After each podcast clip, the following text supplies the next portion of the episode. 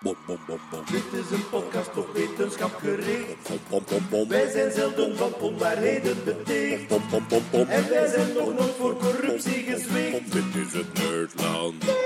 Maandoverzicht. Met uw gastheer Lieven Scheire.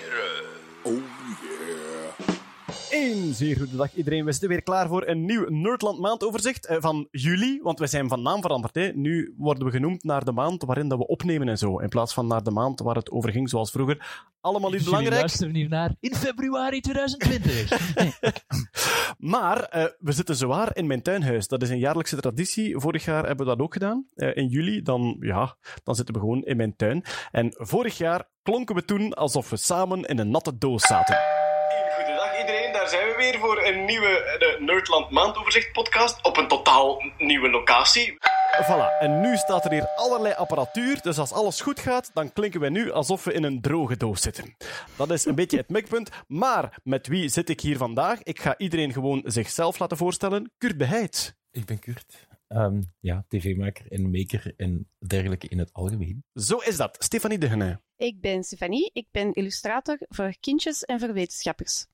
In die, in die volgorde. Nee, de, de wetenschappelijke kindjes, eh, kindjes die wetenschappers willen worden, wetenschappers die nog kindjes zijn, zoiets. Prachtig. Jeroen Baert. Ah, eh, ja, Jeroen Baert, ik ben, ik ben, ik ben eh, sorry voor alles, sorry voor alles. Eh, ik ben computer, computerwetenschapper. Ik, ik vind het leuk dat we onszelf voorstellen, maar ik vind dat we de volgende keer moeten doen, stel de persoon rechts van u voor. Van- ja, maar ik ben Jeroen Baert. Zodat Grapje- mensen zeker Ja. niet de juiste stem bij de juiste Ja, persoon Grapjes, eh, kak en computers. Hallo. Ja. Eh, Marianne Verhelst. Ik ben Marianne Verhelst, ik ben professor micro-elektronica aan de KU Leuven. Voilà. En eh, als arts zit aan de kloppen, eh, nerveus te draaien om te zorgen dat al mijn trebles en mijn basgeluiden juist staan. Maar we hebben een special guest vandaag.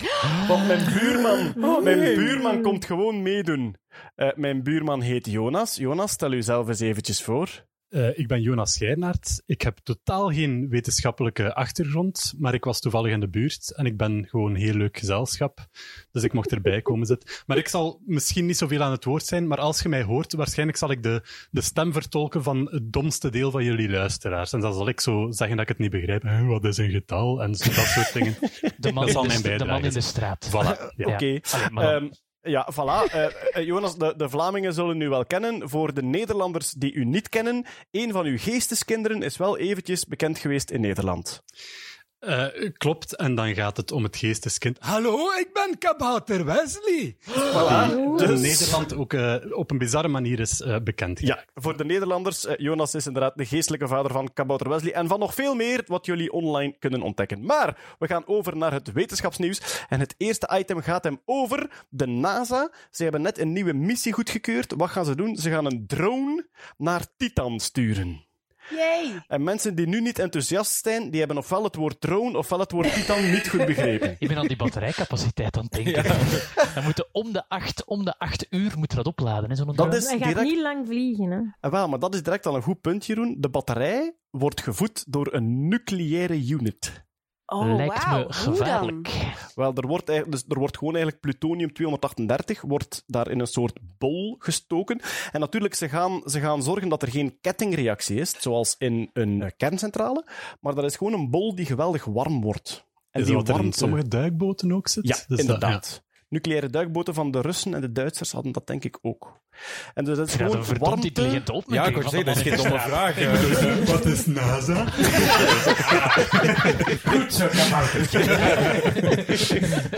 Ja, maar dat klopt. Dat is een van de gemakkelijkste manieren om een heel langdurige energievoorziening te hebben. Dat is gewoon nagloeiend nucleair materiaal. En die warmte gebruikte, ik weet niet hoe dat ze het doen. Ofwel is het met een Stirling-motor, ofwel is Weegt het... ook niet veel. Dat is vooral het nut. Dat Ja, maar je geen absoluut. kilo's moet meeslepen. Ja. En is heel dat wel veilig? Dat is niet zo veilig bij de lancering. Dat is, de groot, dat is denk ik de grootste reden waarom het niet zo vaak gebruikt wordt.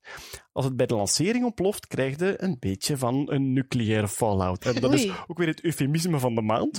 Een beetje van de nucleaire Is fallout. dat, is dat een Fukushima of een eh, Hiroshima? Eh, ja, nee, dat is eigenlijk anders. Ehm, Hiroshima is effectief een nucleaire kettingreactie. Mhm. En die, een- die, een, eh, ja, die, die stroomvoorziening voor die drone die naar Titan gaat, is gewoon een gloeiende bol waarvan dat je de warmte gebruikt. Zoals ook bij die, in, die, in die duikboten zat. Er zit geen kerncentrale in die duikboten, er zit geen kerncentrale in die drone. Je gebruikt gewoon de warmte van... Ja, nucleair afval is het niet, want het is echt wel opgewerkt en verrijkt en zo. Wat hebben wij te zoeken op Titan? Ah, Ik weet, het, is, het is een beetje zo'n tribunaal geworden zo. En wat gaan we daar godverdomme zoeken? met die nucleaire batterij. ja, inderdaad. Eh, Titan is een maan van Saturnus. En Titan is een van mijn favoriete plaatsen in dit zonnestelsel. Titan is een maan van Saturnus. Zit dat in die ring of niet? Nee, Ah, nee. Eh, Titan is een maan van Saturnus. En wat heb je daar? Je hebt daar zeeën, oceanen, rivieren, wolken, regen, vasteland, eh, water heb je daar ook. Maar het is daar... eh, ik, ja, ik ga nu moeten gokken, denk min 140 graden Celsius of zo. er is altijd een maar. En dan kun je je afvragen, eh, hoe kan er nu water zijn bij die temperatuur? Ah, op Titan is het water het vasteland. Wat? Dus het vasteland zijn IJs. gewoon ijsblokken. En de, de oceanen bestaan uit vloeibaar methaan. Ja. En dat vloeibaar methaan verdampt, daar komen wolken van. Uit die wolken komt regen, daar is onweer, daar zijn rivieren, daar zijn meren enzovoort. Titan is een geweldig poëtische plek. Het is er nat en ze hebben er slecht weer. Waarom gaan we er naartoe? En, en, Ja, maar, het is daar heel koud. maar gigantisch koud. Min 179 graden Celsius. nog kouder dan ik dacht, min 179. Maar Titan wordt echt bekeken als ehm, de voornaamste interesse in Titan is voor wat ze noemen de prebiotische chemie. Namelijk de chemische wisselwerking van gewoon zonnestelselchemie voor het leven werd. En dus het feit dat je op Titan heel veel koolwaterstoffen hebt, zoals methaan en andere koolwaterstofverbindingen, en je hebt daar onweer, je hebt daar bliksem.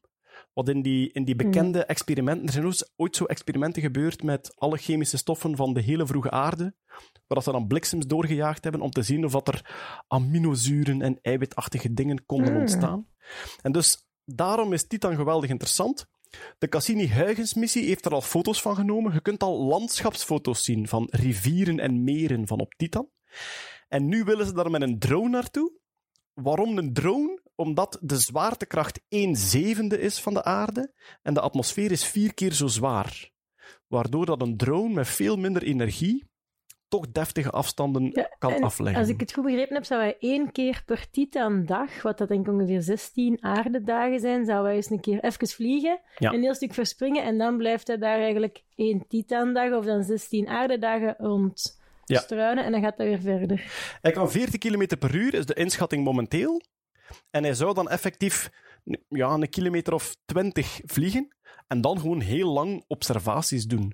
En weet je dat ze dat technisch gaan aanpakken om die en die omstandigheden, als het daar zo koud is, je zit met winden en toestanden, als dat gaan oplossen? Of... Daar hebben ze nu nog een hele periode voor. De lancering is in 2026. Oh. Dus de komende 15 jaar wordt er eigenlijk uitgezocht. Nu, ze weten heel veel over de temperatuur, over de dichtheid van de atmosfeer. Ik denk vooral van die Cassini-Huygens-missie. Dus ik heb daar, ja, ik heb daar wel alle goede hoop op dat ze dat goed kunnen uitrekenen. Het is een drone met acht rotoren. Maar inderdaad, je moet dan iets programmeren op aarde voor omstandigheden die je hier heel moeilijk kunt simuleren. hè. Ik Dus bedoel, dat is ook een tijd onderweg, toch? Ja, is dat niet als zo je- zes maanden onderweg? Of hij is eh, acht jaar onderweg, om precies ah, te ja, zijn. Holy zes maanden crap. voor te beginnen. Acht ja. jaar. Dus we gaan pas in 2034. Dus het is echt wel een Ja. beetje uitgesteld orgasme hier. Hè? Ik ben nu razend enthousiast. Ik ben al jarenlang een fan van Titan. En nu wordt er gezegd, 16 jaar, we gaan een 15 rete coole missie met een drone. Maar ze komt pas aan in 2034. Dus het is wel nog wachten, optimistisch dat er hier in 2034 nog mensen gaan luisteren. Zo tussen de oorlog om de laatste garnalen door. Oh jongens, we hebben nieuws van Titan. Stel u voor. Ja, wie, wie weet zijn daar garnalen. Dus, Ah ja. Ja. Maar ik was aan. Ik was, ehm, dus de missie is net goedgekeurd. Eh ze zaten in competitie met een ander. Het was echt zo'n soort NASA-competitie van. Een soort van uh, titanenstrijd. Oh, hey. Een soort competitie van wie gaat er hier de beste missie voorstellen. En zij waren de finalist samen met de Keizer-missie. En de Keizer-missie ging eigenlijk een hapje gaan nemen uit een komeet om terug te brengen naar de aarde. Saai. Eh, dus de Titan-missie heeft gewonnen. Ik was aan het lezen met eh, de vrouw die eigenlijk de missieleider is. En zij was bezig over die omstandigheden. Een zevende van de zwaartekracht van de aarde. En de atmosfeer die vier keer zwaarder is. Waardoor dat je, ja, je kunt daar veel harder in slaan. En een keer dat je met je armen slaat, kun dat, je krijgt veel meer lift. En zij schreef, dat vind ik fantastisch, als je als mens op Titan loopt en je bindt vleugels aan je armen, kun je vliegen. Oh. Een mens zou echt kunnen vliegen, gewoon met zijn eigen spierkracht, door de atmosfeer van Titan. Oké, je moet nou wel kunnen sturen natuurlijk. Ja, oké, maar dat kun je leren. Hè. Ja. Je, je wilt er nu al naartoe, Stefanie, Ja, ik zie absoluut. het. Ja, Dat hele waarschuwingsverhaal van Icarus en te dicht tegen de zon vliegen, zou er gewoon... Dat zou gewoon werken. Die zou gewoon hoogmoed hebben en dat zou werken. Ik denk dat de NASA geen wassenvleugels gaat Ah, ja. gebruiken. Is mijn theorie. En ik vraag mij ook af of was smelt bij min 180 graden Celsius. aha. Je moet zo die gouden zone vinden tussen min 180 en warmte ja. van de zon. Ja, wel ja. Ergens, De sweet spot. Ja. ergens daartussen gaan we zien. Maar dus, die is net goedgekeurd als je op Twitter zoekt naar ehm, de mensen... Ah, trouwens, heb ik nog niet gezegd. De missie heet Dragonfly. En als je op Twitter zoekt naar de mensen die die missie aan het voorbereiden waren, het moment dat die die toestemming krijgen, is er een soort euforisch feestje geweest. Oh, dat is altijd leuk om te zien, hè? Euforische ingenieurs. eh, Absoluut. eh, Met, eh, met microfoontjes en Lol ja, met nerds. lol met nerds, ja. We zijn grote fan. Voilà, kijk, eh, ja, ehm, we hebben het nu gelanceerd en we hopen van in 2034 meer nieuws. De 700ste aflevering van meer deze nieuws te hebben. podcast. Ja, voilà. Maar voor mensen die niet bekend zijn met Titan, eh, zoek het op. Die foto's van Cassini Huygens zijn sowieso al fantastisch. We gaan naar een volgend nieuwsje. Marian, het gaat hem over het eh, Amerikaans leger. Die hebben een nieuwe manier gevonden om mensen te identificeren van op afstand. Ja, het Amerikaans leger zou met een laserstraal van op 200 meter afstand u kunnen identificeren. En dat doen ze eigenlijk door met een laserstraal eh, bewegingen te meten. Ze, kunnen, ze richten die eigenlijk op je borstkas, dus zoiets, een straal ter grootte van een muntstuk. Richten ze op je borstkas en, en door vibrometrie, eigenlijk die reflecties of, of de beweging van waarop die laserstraal valt te meten, gaan ze eigenlijk je hartslag kunnen opnemen. En aan je hartslag blijkt even uniek te zijn als je vingerafdruk of, of je iris-scan, maar alleen kun je dat eens van op keiver afstand doen. Ah, ze hebben 95% nauwkeurigheid. Dan kunnen ze voor als iemand neerschieten met een drone ook kijken of dat die hartritmestoornissen heeft. nou, nee, spijtig genoeg is de toepassing inderdaad dat ze bijvoorbeeld als de strijders van ISIS hè, IS aanvallen, dat ze eerst kunnen zien wie ze gaan aanvallen en die dan selectief Ja, maar als ze eerst zien wie dat ze gaan aanvallen, dan moeten ze op voorhand al eens gecheckt hebben van ehm, persoon Ja. X heeft dat profiel. Dan zou je op voorhand moeten weten, die zijn hartslag ziet er zo uit. Ofwel kun je eigenlijk een persoon trekken. Hè. Dat is dezelfde persoon als die ik daar straks Het is niet dat ze op voorhand van die polarmeters moeten droppen in Pakistan en hopen dat die gebruikt nee, worden. nee. gaat Nee. dus Het grappige is het werkt zelfs door kleren, behalve als je een hele dikke jas aan hebt. Dus Of- binnenkort ah, ja. al die mannen in Afghanistan met van die dikke kolder. winterjassen. Ah nee, het is laser, Ja. ja. Maar wacht, is dat, dan ook, want is dat dan ook zichtbaar? Want ik denk dan meteen aan zo'n laserdingen van een sniper. Als je dan zo een rood bolletje op je borstkas ziet, dan kun je zeggen van, oh, ze zijn me aan het identificeren of aan doodschieten. Ik weet het niet, maar ik denk dat dat niet hoeft. Je hebt eigenlijk laserstralen in alle mogelijke kleuren. Je hebt dat laserstralen die buiten het zichtbaar bij. licht vallen. Ja. Hè? En, Ja. maar- en ik neem aan dat ze zo een gaan gebruiken. Maar ook, enfin, ik weet er verder niet meer van, maar het lijkt mij logisch dat ze gewoon van ehm, al hun soldaten die ze op de grond hebben, dat ze van al, al die soldaten het cardiogram heel goed kennen. Zodanig dat die laserstraal kan zien van, ah oké, dat is Neddy, daar gaan we niet op schieten. En of dat ze van die... Of dat ze van de vijand ook het cardiogram hebben, ja, dat Nee, lijkt mij nee, moeilijk. Tenzij dat, ze, tenzij dat de fitness-app plotseling heel populair wordt. We hebben, we hebben de, alle Fitbit-data van de Taliban gedownload. Zou die Taliban zouden die zo aan de Fitbit zijn? Dat is, Alhoewel, dat is een tijd geweest van die, van die fitness-apps. Blijkbaar, eh, veel soldaten hebben zo'n Fitbit. Ja, die En tracken, via die, die, die publiceerden dat dan online en via de data van Fitbit of denk Polar konden ze kijken Ja. waar dat de militaire basissen waren, omdat die altijd Ah, teruggesliepen ja, daar rond. de geheime basis. Ja, maar ja, de maar- Taliban, ik weet niet, ze hebben allemaal baren, dus die zullen wel aan crossfit doen, denk ik dan. Ja, dat is. Wat ik wel interessant vond, is blijkbaar deden ze dat vroeger met eh, gate-analyse. Dus eigenlijk uw analyse van hoe dat je stapt. En zo herkenden ze vroeger al met dronebeelden, want het is dezelfde persoon als daar juist. Maar daar werden blijkbaar mensen begonnen expres anders te lopen. Ah, ja. En het idee is dat je hartslag, dat is iets dat je niet kunt forceren. Je kunt niet ineens proberen anders te kloppen met Dat is je wel een hart. film, hè, om een vijandige basis binnen te dringen door iemand anders zijn hart te imiteren. Ik ben een Eddy. Wink, wink. Ik had ook even verstaan gay-analyse en naar een, een Ja, andere gay. manier van stappen. Taliban, ja, dat is... Ja, ja, ja. Maar dat was dan eerder van, ah, daar is hinkende Ali. Vroeger hadden wij, vroeger hadden wij zo bosspel met de jeugdbeweging, waarin dat je je moest verkleden als iemand anders, en als de leiding je herkende en je naam kon noemen, Ja. dan waren we eruit. En toen imiteerden wij al elkaarse stap. Dus we hadden toen eigenlijk al ja, Taliban-technieken onder de knie. In het trainingskamp. Je ziet op een manier, de scouts en de KSA, we gaan de wereld overheersen, want wij hebben het vroeg geleerd. Voilà. En wordt dat nu al gebruikt, Marianne? Of hoe... eh, Er is nu een prototype, dat heet de Jetson, waarmee dat ze nou, hebben aangetoond hoe nauwkeurig dat, dat is. Maar wanneer dat ze dat meenemen naar Ginder... De, Maar ik ben aan het denken eigenlijk ook voor, voor domotica-toepassingen. Stel je voor dat je huis in de pikken donker met een laserstraal op 200 meter kan zien dat jij het bent en niet iemand komt. anders. Ja. Dat je huizen niet neerschieten. Wat, wat er wel in stond is 95% nauwkeurig. Dat is eigenlijk niet goed genoeg Dat is voor echte ja. security. Dus eh, Goed genoeg voor het Amerikaanse leger.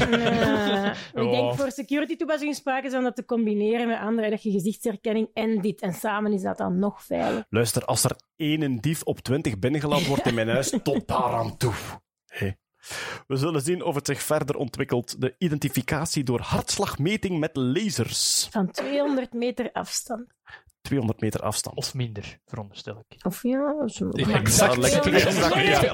Iets minder, maar eigenlijk, eigenlijk is 200 nog niet de limiet. We zouden waarschijnlijk wel verder kunnen. Ja, eigenlijk is de limiet oneindig, maar dan kun je waarschijnlijk iemand... Als je die laser te hard moet zetten, Ja. dan heb je een ander probleem. Wij hebben het hier al een paar keer gehad over ehm, ehm, criminelen die heel lang geleden criminele feiten gepleegd hebben, die geïdentificeerd worden op basis van hun DNA, maar niet hun eigen DNA, maar via familieleden. hè. De Golden State Killer was, het belangrijk, allee, was, was de eerste grote zaak die opgelost werd. Is gewoon politieagenten die ehm, DNA uit een oud dossier, waarvan ze niet weten van wie het is, van de misdadiger, uploaden. En die dan links krijgen naar familieleden, door de computer gezocht, zoals Jetmatch is een website die dat aanbiedt, en die zo de misdadiger uiteindelijk kunnen vinden. Dat is al, ja, dat is eigenlijk nog geen jaar oud, nu dat ik erover nadenk. De Golden Nee, State Killer is Zoiets, van ja. Zal augustus vorig jaar. Ja. Maar ehm, deze maand is de eerste persoon veroordeeld in een proces die geïdentificeerd is op die manier. En dat was Ja. een beetje een spannend juridisch momentje in Amerika als zijnde will it hold in court? Absolutely. Want je kunt bewijsmateriaal hebben, maar dat bewijsmateriaal moet inderdaad holden in court. Zeker als het gaat over moorden. hè, Dat gaat dan over een eh, juryrechtszaak, eh, zo, wat dat wij assise noemen. Dus je, je moet dat bewijsmateriaal voorbij die jury krijgen. Die jury moet dat eh, aanvaarden als zijnde eh, overtuigend. En dat is voor de eerste keer gebeurd. En dat is inderdaad een spannend momentje geweest.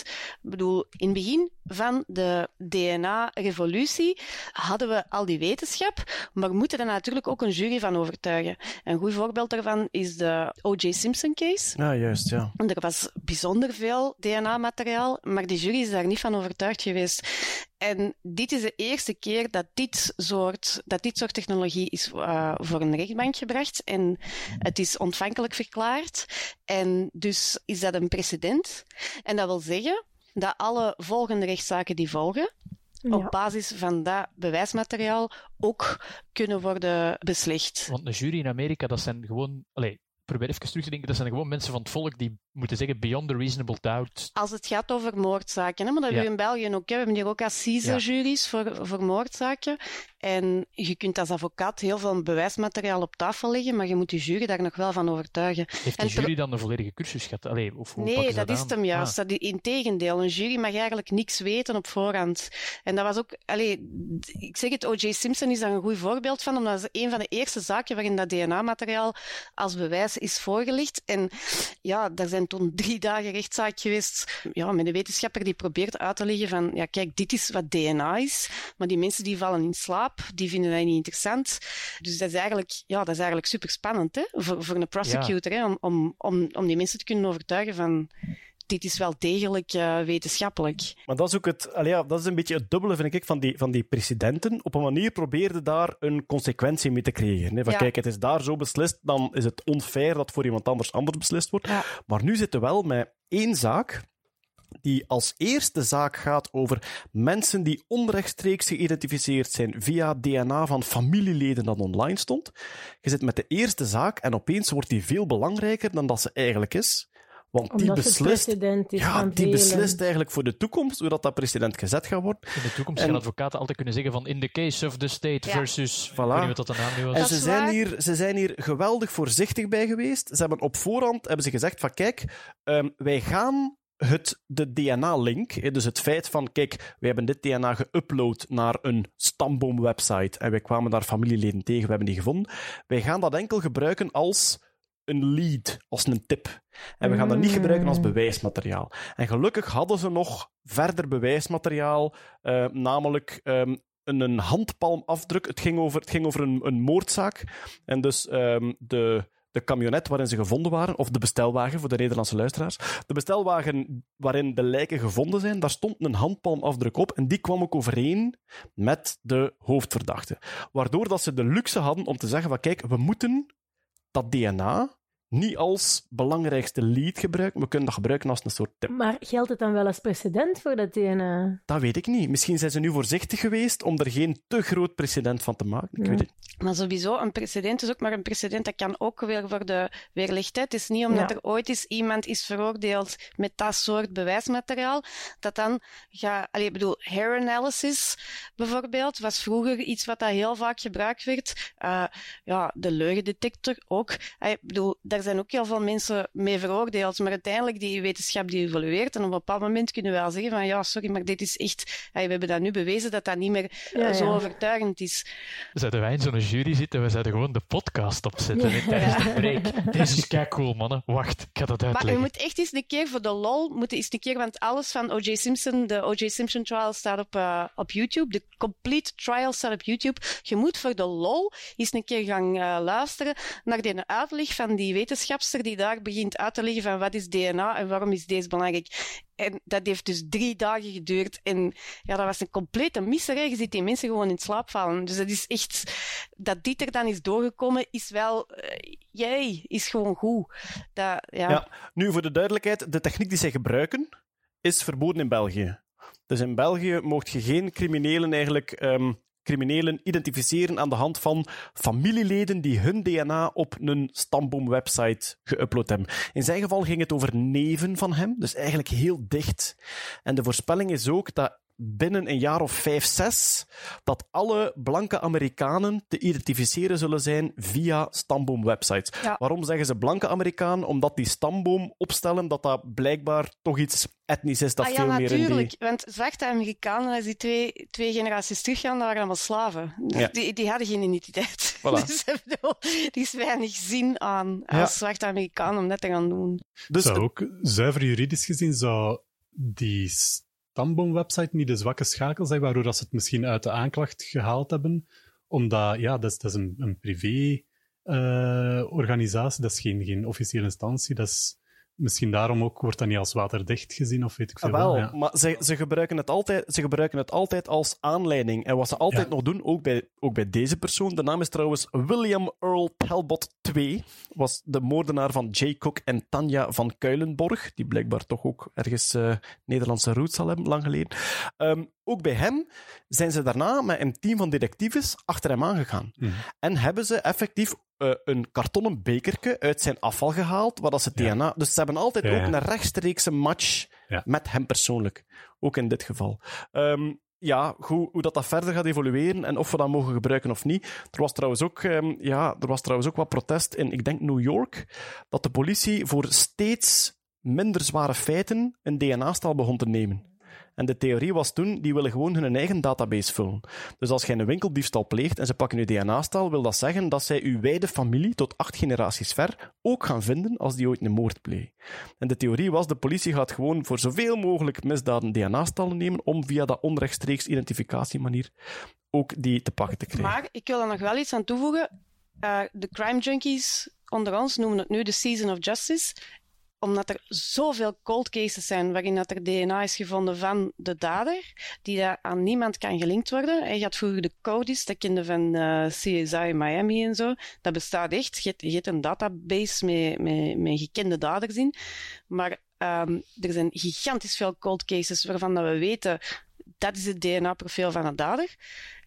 Dat is nooit aan iemand gelinkt kunnen geworden. Nu dat dit precedent er is, weten we van, we gaan echt gigantisch veel zaken kunnen oplossen. Het is nu in de States aan de gang. Hè. We, zijn, we zijn één jaar, minder dan een jaar na de Golden State Killer. En ik denk dat ze al aan een twintigtal seriemoordenaars of zware criminelen zitten, van lang geleden zelfs. Dus het is inderdaad de season of justice. Het, is gaat alleen maar versnellen. Ja. En, en plus, je hebt ook nog eens een keer, zeker nu, ik heb dat al eens gezegd in de podcast, ik, ik geef het nog vijf jaar en dan is er geen enkele moord die niet meer kan opgelost worden. Je hebt nu ook alle data die je verzamelt. Challenge. Alle data, alles wat dat jij koopt. Iemand is vermoord met jij- een wombat. Maar alles wat dat jij koopt, overal waar dat je gaat, er is zoveel data. Dit- altijd een moord oplossen gaat van verschillende kanten. Hè. Dat gaat van bewijsmateriaal naar, naar, naar eh, profiling, naar eh, wie was er waar en wie kon het allee, fysiek gedaan hebben. Dus al die dingen die, die komen samen, die, die cirkel wordt kleiner en kleiner. Ik zeg niet dat er minder moorden gaan gepleegd worden, maar ik denk wel dat onopgeloste moorden, dat wordt een Dat dat zeldzaamheid. zeldzaam wordt. Ik zou, En- iemand, ik zou iemand vermoorden met het, het enige wapen dat ontraceerbaar is. Een wombat. Eenzaamheid. Eh, maar ehm, nog een kort extraatje. Eh, niet alleen eh, misdaden worden opgelost, ook zeer veel niet geïdentificeerde lichamen van vroeger Exactly. worden ook in België nu al op die manier geïdentificeerd. Ja. In België en in Nederland zijn ze er nu ook volop mee begonnen, omdat bij ons ligt het juridisch moeilijker om daar misdadigers mee te pakken. Maar het is natuurlijk juridisch veel veiliger om te zeggen van kijk, we hebben hier lichamen gevonden, niemand weet wie die zijn. Als wij die uploaden naar zo'n stamboom-website, komen die terecht. En ook in België zijn ze zo volop bezig. We En hebben Ja. dat zelfs een aantal podcasts geleden ook aangehaald van onbekende soldaat. Dat bestaat niet meer, hè. Ja, maar Ze daar was ik tegen.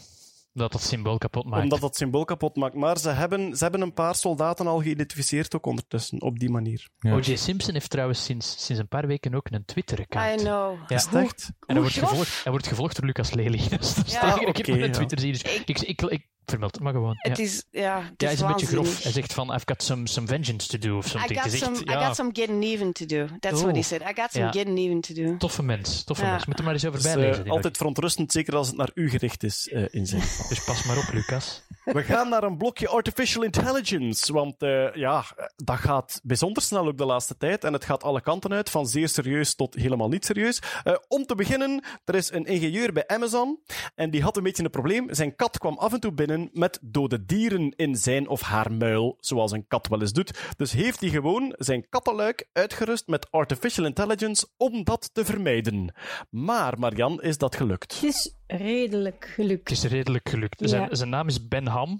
Ik heb het opgezet, ik zeg namelijk een grappige naam van Ben Ham. En de poes heet De, ah, dat heb ik niet opgezocht. Metric. Metric. Metric. Metric. Ah, ja. Dus het is geen officieel Amazon-project. hè. Hij- hij- de man, de ja, man ja. werkte bij. Amazon, een hobbyist. En ja, hij had, had een soort van katten, kattenluikje. En zijn beest, zijn, zijn kat, eh, nam veel dode dieren mee naar binnen. Maar Benham klinkt wel zo'n beetje als een kiekeboe-naam, verwijzend naar Beenham natuurlijk. Hè? ja, Niet? ja, mogelijk, mogelijk. Maar hij heet echt zo. Hij heet echt Laat zo. het Merho niet op ideeën brengen. Nee.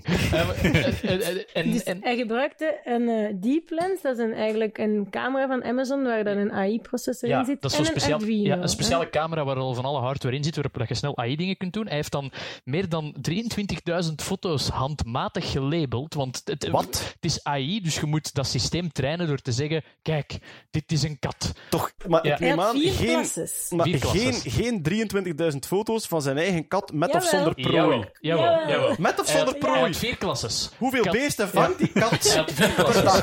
Hij had vier klasses. Kat komt. Kat komt allee, dus kat komt aan bij het luik. Ja. Kat komt aan met beest in zijn bak. Ja. Beest in zijn bakkes. Kat komt aan met zonder beest in zijn bakkes. Ja. Dat is de eerste categorie. En kat vertrekt. En de, En die geen categorie, kat. En geen kat. Ja, de, de categorie kat vertrekt heette ook eh, kat komt, denk ik. Ja, ja. Ja, Dus kat, komt. kat en komt die heeft, die en heeft kat dus komt, over ja. een periode van zes maanden manueel heeft hij foto's zitten nemen of naar de video's gekeken en gezegd Ja. van kijk AI, dit is mijn kat als hij komt. Dit is mijn kat als hij vertrekt. En dan dat systeem getraind en dan, eh, ja, dan dat model gebruikt. Op een bepaald moment besliste van mijn model is slim genoeg, ik ga het gebruiken.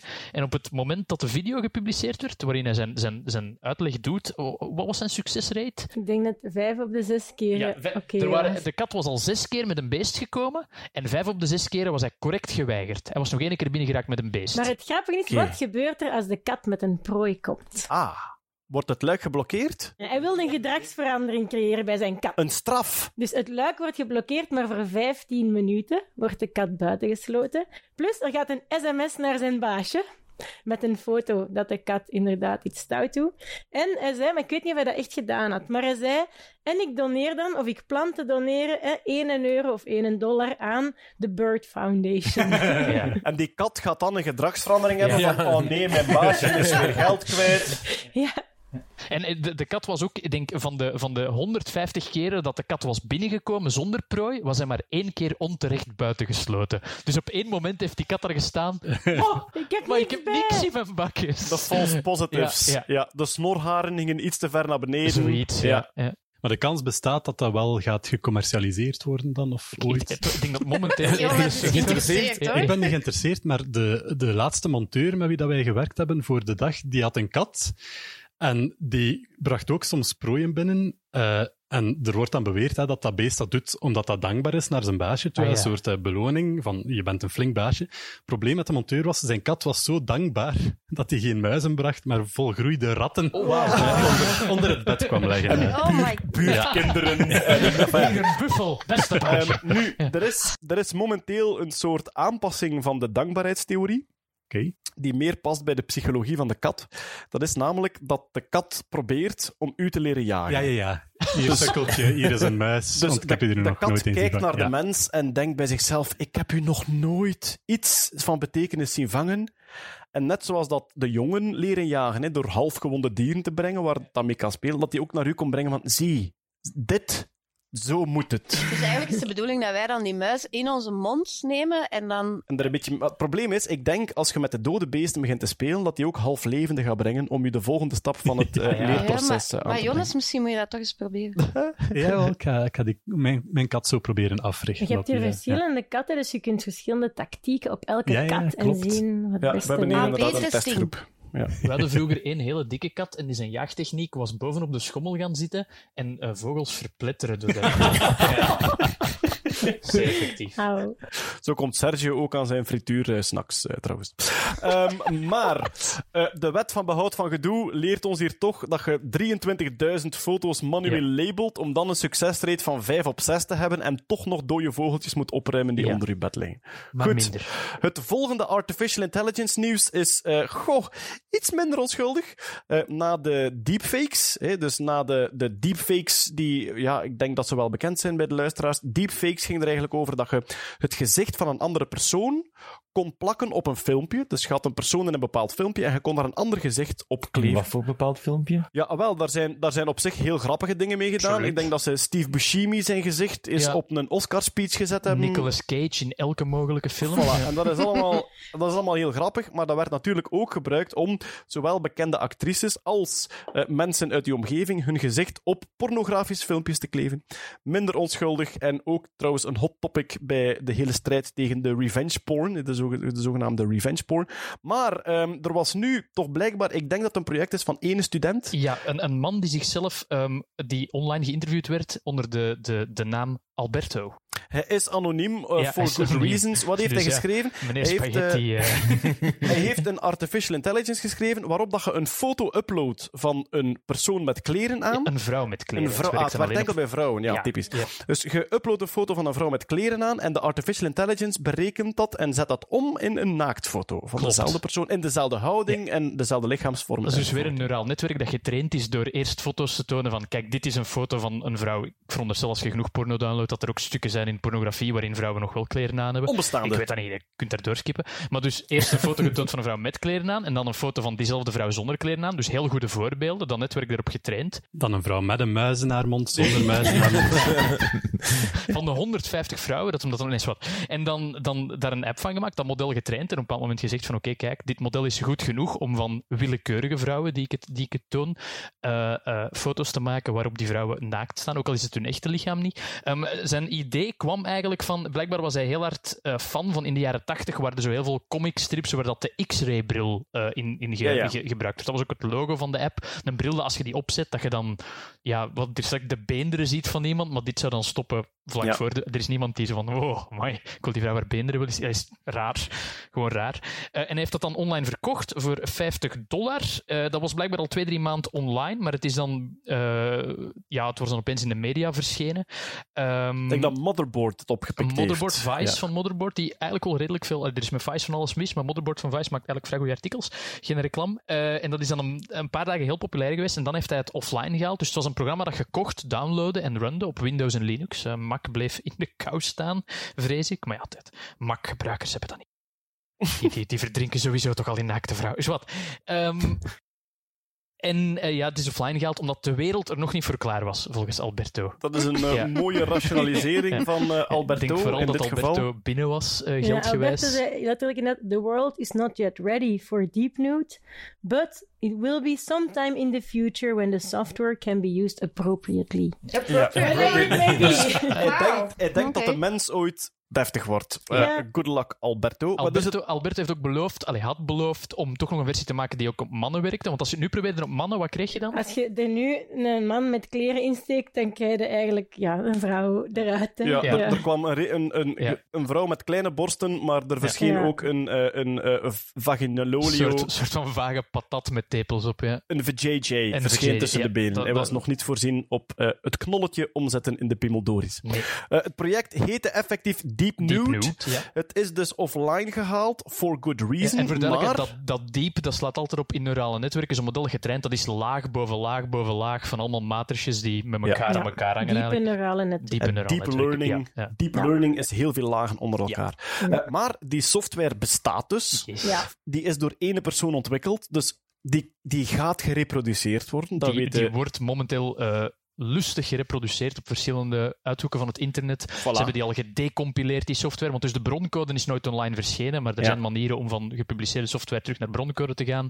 En die wordt aangepast en herverkocht. En Heel ja, veel mensen hebben dat programma gekocht en online staan, dus die blijven dat hebben, die kunnen in die software kijken. Maar dus het zuivere idee van een bril die de kleren weghaalt van een persoon, Ja. zou eigenlijk goed... Gaat hem hier over stilstaande beelden, wat nog iets totaal anders is dan een bewegend beeld. Maar je zou kunnen zeggen van, kijk, over 30 jaar, met gigantische computing power in een um, augmented reality bril, zoals de Google Glass of, ehm, hoe heet het nu weer, eh, onze kameraden van de De Magic Leap. de Magic Leap, ja. Dan zou je kunnen zeggen, ja, effectief, je loopt over straat en je klikt.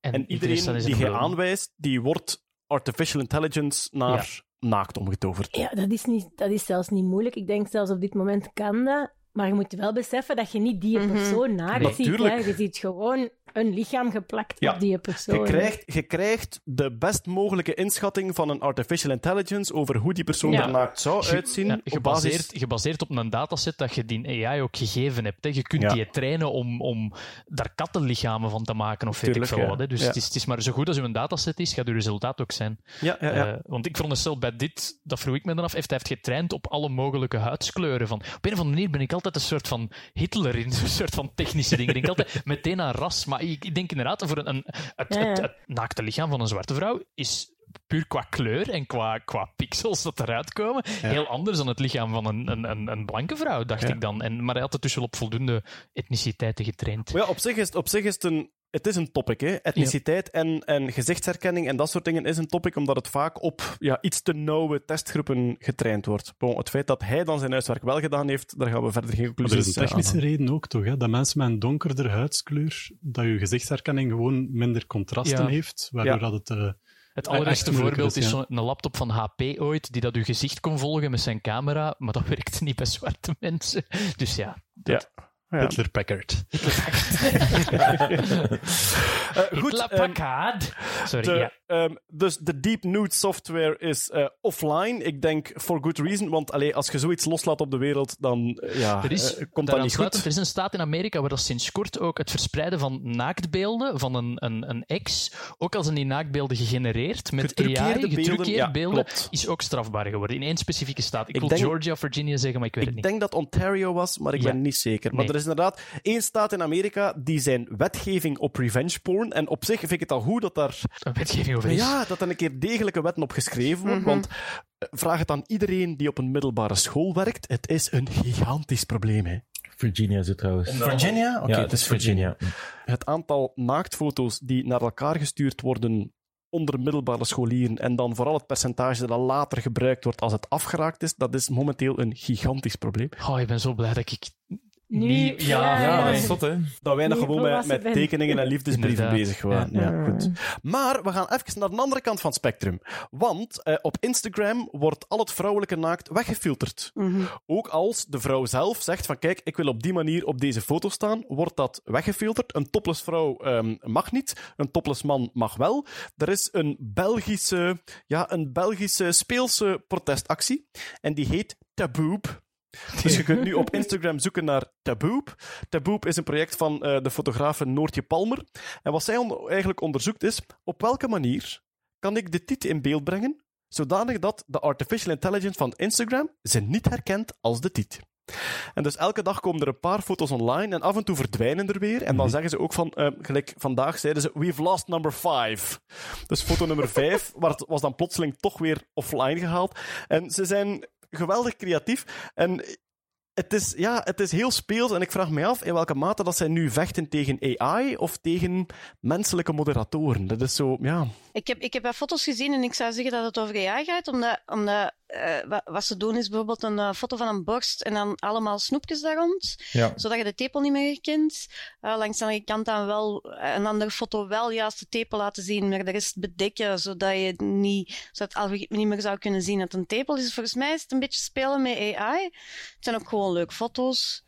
Tegenover Eh. als ze echte kenners zouden inhuren, zou je... ja, ja. die, die, Ja, die- dit is echt, ja, ja, want het is inderdaad zo met kleurcontrasten, met blauw erop, of Ja. een ijsblokje erop, of de, zo de, de Pinocchio-tepel. Was een tepel gewoon heel lang. Pinocchio-tepel? Ja, absoluut. Het geen tepel, maar- Als gelicht worden je tepels langer. Ja, Is een- niet bij mij. Ja, maar waarbij dat, dit is een hele... Gelicht.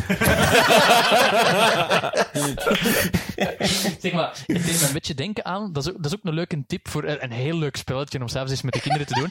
Ehm, als je een foto Pinocchio, trekt van eh, Pinocchio. per je lippen op elkaar Ja. en trek daar dan een foto van en draai die foto 90 graden, dan ziet dat eruit gelijk een, een, een, een, een vag- vagina. Een, een VJJ. En ook die foto's werden soms geblokkeerd op, Dat- op, op sociale media. Ik denk, iemand heeft dat in een talkshow, ik denk dat ik het gezien heb bij Colbert of bij ja, een of andere Amerikaanse talkshow is het geweest en, en dat was zeer op. Wat je nu vertelt is een letterlijke Desmond Morris-theorie. hè. Dus Desmond Morris, de Ik evolutionaire wil Desmond bioloog. Morris zijn vagina nooit zien. Oh, maar ja. Maar dus Desmond Morris eh, eh, ehm, is evolutionair bioloog en, dan moeten we erbij zeggen, dat is een man die graag speculeert. Dus die Ja. ook graag dingen poneert die niet bewezen zijn of die bijna onbewijsbaar zijn. Eh, twee van zijn meest bekende theorieën is dat de vorm van de vrouwelijke boezem in de dierenwereld merkte dat die bijna nooit zo rond en prominent is. En hij zegt, omdat de mens elkaar ehm, frontaal beginnen benaderen is, is het seksuele signaal van de billenpartij weggevallen. En dat is vervangen, theorie, speculatieve theorie, dat is vervangen door de rondingen vooraan.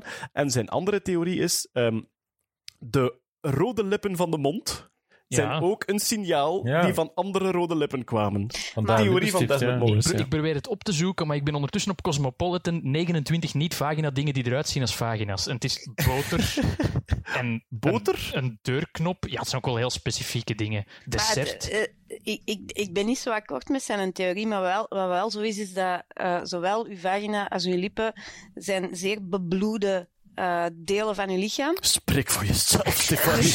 Nee, daar, zit, daar zitten gewoon heel veel haarvaten. Dus als kinderen in je, als je opgewonden bent, dan worden die rood. ah, natuurlijk, ja, ja. En dat is een beetje... Maar dat van die billen en die borsten... Allee, Dat is sorry, geweldig. maar mijn poep lijkt... Allee, dit, dit- nee, sorry, ik zie het niet bij Je mezelf. liegt. Pics or it didn't happen. Eh, maar dat is natuurlijk dat is speculatief en er is geen enkele manier... Allee, ik zie geen enkele manier buiten een teletijdmachine om te bewijzen dat dat zo is, maar ik zie ook heel weinig manieren om duidelijk aan te tonen dat hij, dat hij fout zit. Dat is een beetje het probleem met dat soort Maar waarom speculaties. heeft dat... Nee, het is, borsten hebben gewoon de, de, de functie om kinderen te voeden. Dat is waar, maar bij de, bij de meeste primaten hebben ze die functie ook, Ja. maar hebben ze niet diezelfde ronding. Maar jawel, tuurlijk wel. Heb je al eens Nee. een zwangere olifant gezien? Een olifant is geen primaat. Ehm, Sorry, maar, geen primaat. Oké, bonobo. nee, nee, nee, oké, oké, oké. Maar eh, een zwangere gorilla. Die ja, maar ook... het gaat, hem niet, het gaat hem niet over de zwangerschap, het gaat hem Nee, over de periode daarvoor, na, wanneer ja. er seksuele selectie is. En dan hebben primaten dat niet. Die hebben niet die prominente boezem. Oh. Maar de meeste primaten hebben toch ook geen prominente billen? Gaat toch veel helpen met een plat gat? Ja, of- enfin ja, ik bedoel... Niet dat ik daarop let eh, bij andere diersoorten. eh. Maar makaken toch wel? kijk naar het karakter. Ja, Ja, ja, ja nee, je hebt er hè, zo bavianen en al. Die, Ja, die hebben zo echt van ja. die meloen-aarzen. Ja. Ze hebben maar- wel de lippen dan weer. Wel de lippen. Oh. Ja, ja, ja. Wel, Ik vind kijk, ja. alleen maar zwangere gorillas met echt ferme hangtieten. Ik denk dat wij toch eens op studiereis naar eh Planken. we Plankendaal moeten eens naar moeten. Plankendaal gaan. En Na de wombat gaan we daar ook op een soort... Ja. Ja. ik denk dat we snel gearresteerd gaan worden als we dan maar met bepaalde Ja. blikken naar die primatenkooien staan te staren. Goed, nu we twee uur in wombatkak hebben liggen rollen, mogen we nu eens naar de schaamlippen van uw primaten kijken. Excuseer, kunnen jullie weggaan? Jullie maken de kinderen bang. Eh, maar goed. Ja, we gaan eventjes naar iets totaal anders. Eh, fantastisch nieuws op Twitter. Ehm eh, Siobhan. Siobhan is, eh, ja, Siobhan is eh, een jonge dame uit het Verenigd Koninkrijk. Zij was jarig en zij vroeg Ah, ja. een taart, een verjaardagstaart, met daarop de foto van haar idool. Haar idool is Mariah Carey. Zij kreeg op haar verjaardag een taart met daarop Marie Curie. Afgedrukt als foto. Eh, zoek het op, het staat online. Ja. Het is geweldig om een soort taart met roze cupcakes rond en daarin een soort geweldig serieus en half triestig kijkende zwart-wit afgedrukkende, afgedrukte Marie Curie te staan staan. Ja. Er kwam wel een gloei van die taart. Ja, ja inderdaad. Was Maar- dat wel een vergissing of was dat gewoon een heel feministische taartenbakster die dacht van... Nee, ze hebben gebeld naar de bakker. En eh, helaas, helaas, die mens wist nog wie de Mariah Carey was, nog wie Marie Curie was. Dus die had gewoon gegoogeld op de verkeerde uitgekomen. En hij dacht, het zal die wel zijn. Ik had even gehoopt dat het een Australische bakker was. Die dacht, Mariah Carey? Sure, I'll take Mariah Carey. En dat het zo gegaan Ik was. doe me denken aan dat, dat stripje van, van, van Jerome, waar dat, eh, of Jerome, waar dat de, de wist van foto's, oude doos, check. Waarmee foto's uit de oude doos bedoeld werden, maar er uiteindelijk foto's van een oude doos. We hadden het daarnet over, over de onderregionen geprojecteerd werden. Ja, voilà. Maar dus online te vinden, eh, foto van Marie Curie op de verjaardagstaart. Ik denk nu, ja, het is een soort precedent. Ik denk dat iedereen van ons bij zijn volgende verjaardag een taart vraagt met Marie Curie erop. Hè. En hoopt dat er eentje met Mariah Carey toekomt. Of een soort... Nee. eh, Ik zou, ik zou Marie Curie op Oudejaarsavond in New York wel onder die een bal willen zien zingen nu eigenlijk. Dat is zoiets dat standaard Mariah Carey doet. atoomnummers, bijvoorbeeld. Goed, Jeroen en Kurt, er is een nieuwe versie van de Raspberry Pi. Ja. Ja. En we gaan dat eerst eventjes duiden. Dus eh, ja, je hebt Arduino's, een soort microcontroller waarmee je allerlei ja, domotica, input-output, waarin dat je kleine prototypes kunt bouwen. De Raspberry Pi, zouden kunnen zeggen, is een soort volledige PC. Dat is, die, dat is een past, volledige PC, ja. die past op een printplaat ter grootte van je handpalm. Je kunt daar een toetsenbord aan hangen, een scherm aan hangen, ehm, operating system opdraaien, eigenlijk van alles en nog wat. En geweldig populair bij de makers. En zeer goedkoop vooral, dat is de Oké, reden. Ja, dat rel- relatief gezien heel goedkoop. En bijvoorbeeld, waarvoor het heel veel gebruikt wordt, is ehm, om eh uw eigen home systeem te maken.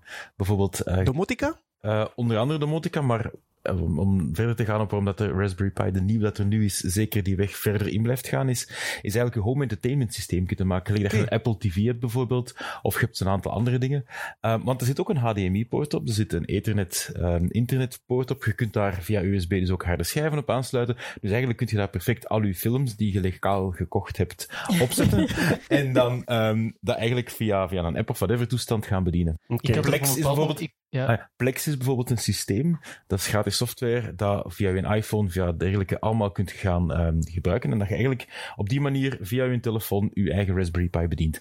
Het probleem is dat die ehm, op HDMI eh, nog altijd deed en dat dat nog geen 4K was. En dat is onder andere een van de grote dingen dat er nu bijgekomen is. Is hij duurder geworden ook, de nieuwe? Hij is een beetje duurder geworden, maar vooral de vorige zijn goedkoper geworden, wat altijd interessant is. Want ook als er een nieuwe iPhone komt, is het altijd veel interessanter om de vorige te kopen, Ja, want ja. die zijn goedkoper geworden. Maar hij is vooral veel straffer geworden in, in RAM, want je hebt nu ook opties. Je kunt zo tot 4 gigabyte RAM gaan. Ehm, en eh, ja, het is zo echt meer de richting aan het gaan van echt een computer te worden. Want daarvoor, oké, ik kon zeggen, het is een computer, maar iedereen aan een Raspberry Pi een keer een scherm en een toetsenbord op aangesloten heeft, die merkt van, ja, het is toch wel een heel trage computer. Eh, maar nu de nieuwe, blijkbaar is hij wel de weg ingegaan van, we gaan echt een desktop maken. Ik heb ooit een discussie gehad met mijn lief, een, een zeer verhitte discussie van hoeveel computers heb jij nu eigenlijk in huis? En ik zei drie, twee desktops en een laptops. Die Raspberry Pi stellen ook mee. Elf. Oh. Dan? Jij- jij weet dan nog hoeveel dat jij erop staan. Ja, ja, ja, ja. Ah, soms zag je die kwijt. Ik heb er nu een, de, de meest nutteloze Raspberry Pi die ik in huis heb, is... Ik heb een garagepoort, maar ik kan die garagepoort niet zien als ik binnen in mijn appartement zit. En soms laat ik die garagepoort openstaan. Wat ambetant is, want er staan een hoop computers in de kelder die te veel lawaai maken om in de living te zetten. En de nerd-oplossing De was... oplossing was een oude webcam aan een Raspberry Pi die mij een mail stuurt als ik de garagepoort te lang heb laten openstaan. En hoe, hoe herkent hij dat die open staat? Zuiver op dat die beeldherkenning? Ja, heeft gewoon... 23.000 beelden bekeken en Ja, die allemaal... ja, Met en zonder muis. Ja, van, ja. Ja. De ik heb al drie staat ook- katten vermoord die binnen willen komen. Met, ja. Ja. Maar er is dus geen systeem om die garagepoort toe te... Dat, dat heb ik allemaal niet gedaan. Het is gewoon een mail van Jeroen, je je garagepoort weer laten openstaan. Dan moet ik mijn sloffen naar beneden. De webcam Eh, flipte super. ook als er een muis aan de Raspberry hing. Dat was al heel eh, verwarrend. Dus eigenlijk, Jeroen, wij kunnen u geweldig pesten door u gewoon een mail te sturen. Uw poort staat open, terwijl dat niet waar Ja, is. er staat een heel specifieke krachtterm in, waardoor ik weet dat het een mail is die ik origineel heb opgestermd. Het, het is... Flapdrol. het is Jeroen, Flapdrol, je garagepoort staat open. Jeroen, flapdrol, je garagepoort Ja. staat open. Voilà, dat Oh, eh, dat wordt een God. vaste mail. Maar dat is nu Wie inderdaad... heeft dat nu al gestuurd? Kom op. ik, ben niet thuis. Ik heb dat wel altijd. Ik heb, allee, nu, sinds ik zo'n garage heb, dat met zo'n afstandsbediening werkt, waar dat ik ook ben, ook al ben ik verder dan 100 meter verwijderd van mijn garagepoort, ik zat er straks op de trein, ik druk per ongeluk op die knop in mijn, in mijn, in mijn Oh, zak, nee. en ik denk altijd van, oh nee, mijn garagepoort is niet open. Ik denk dat dat zo werkt. Maar de afstandsbediening werkt nog altijd op line of sight ja, ja, ja. Ik en moet, niet ik over moet, het internet. Ik moet in mijn sletsen naar buiten, ja. Ja, ja, ja, oké. Ja.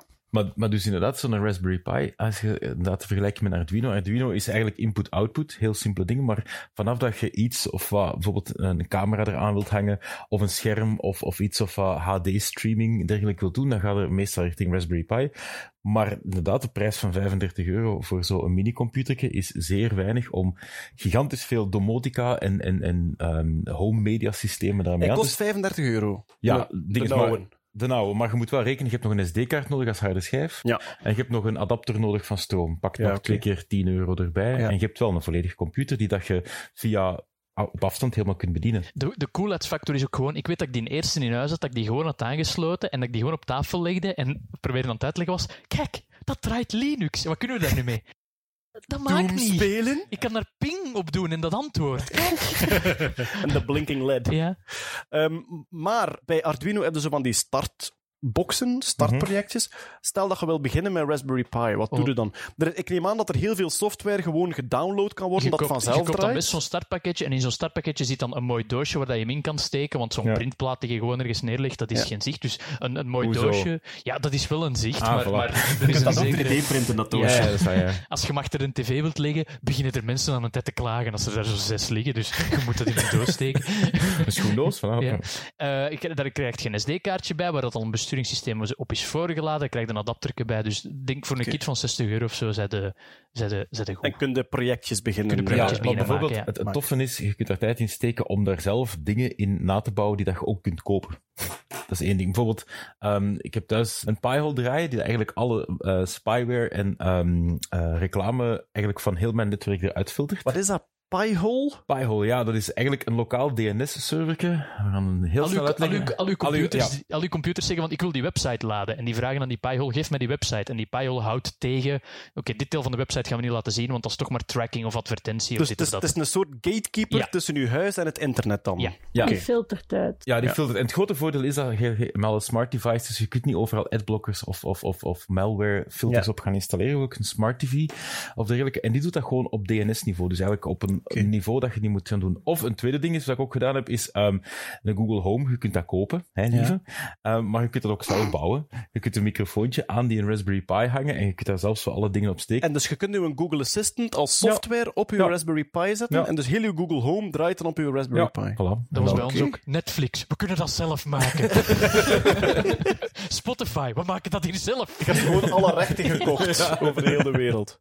Goed, maar dan, eh, dat slaat dan... Ja, ten eerste, dus de nieuwe Raspberry Pi is er en hij is beter. Vanaf wanneer is het te koop? Hij is al te Nu. koop, ja. Nu te koop. Ik Hij is gewoon veel straffer. Ja, hij is gewoon Allee, veel straffer, 60 veel euro, sterker. 35 Oké. Ja, maar ja, Marian, ik bedoel, ik heb er al te veel. We gaan online kijken wanneer de eerste projecten met de Raspberry Pi 4 verschijnen. Maar het ging net over smart TV's Ja. en er was deze maand een aankondiging. Er zijn nu ook virussen voor smart TV's. Ja, ja het, grote, het, het is gelijk een computer met, met gelijk een andere. Ehm, het enige nadeel van eh, smart TV's eh, tegenover bijvoorbeeld een Mac en zelfs PC's of Linuxen, is dat PC's en Linuxen die ehm, updaten zichzelf veel gemakkelijker, maar een smart TV niet. Hè. Je kunt die ook updaten, maar meestal denken de mensen, we gaan dat niet doen. Nog meer dan een computer.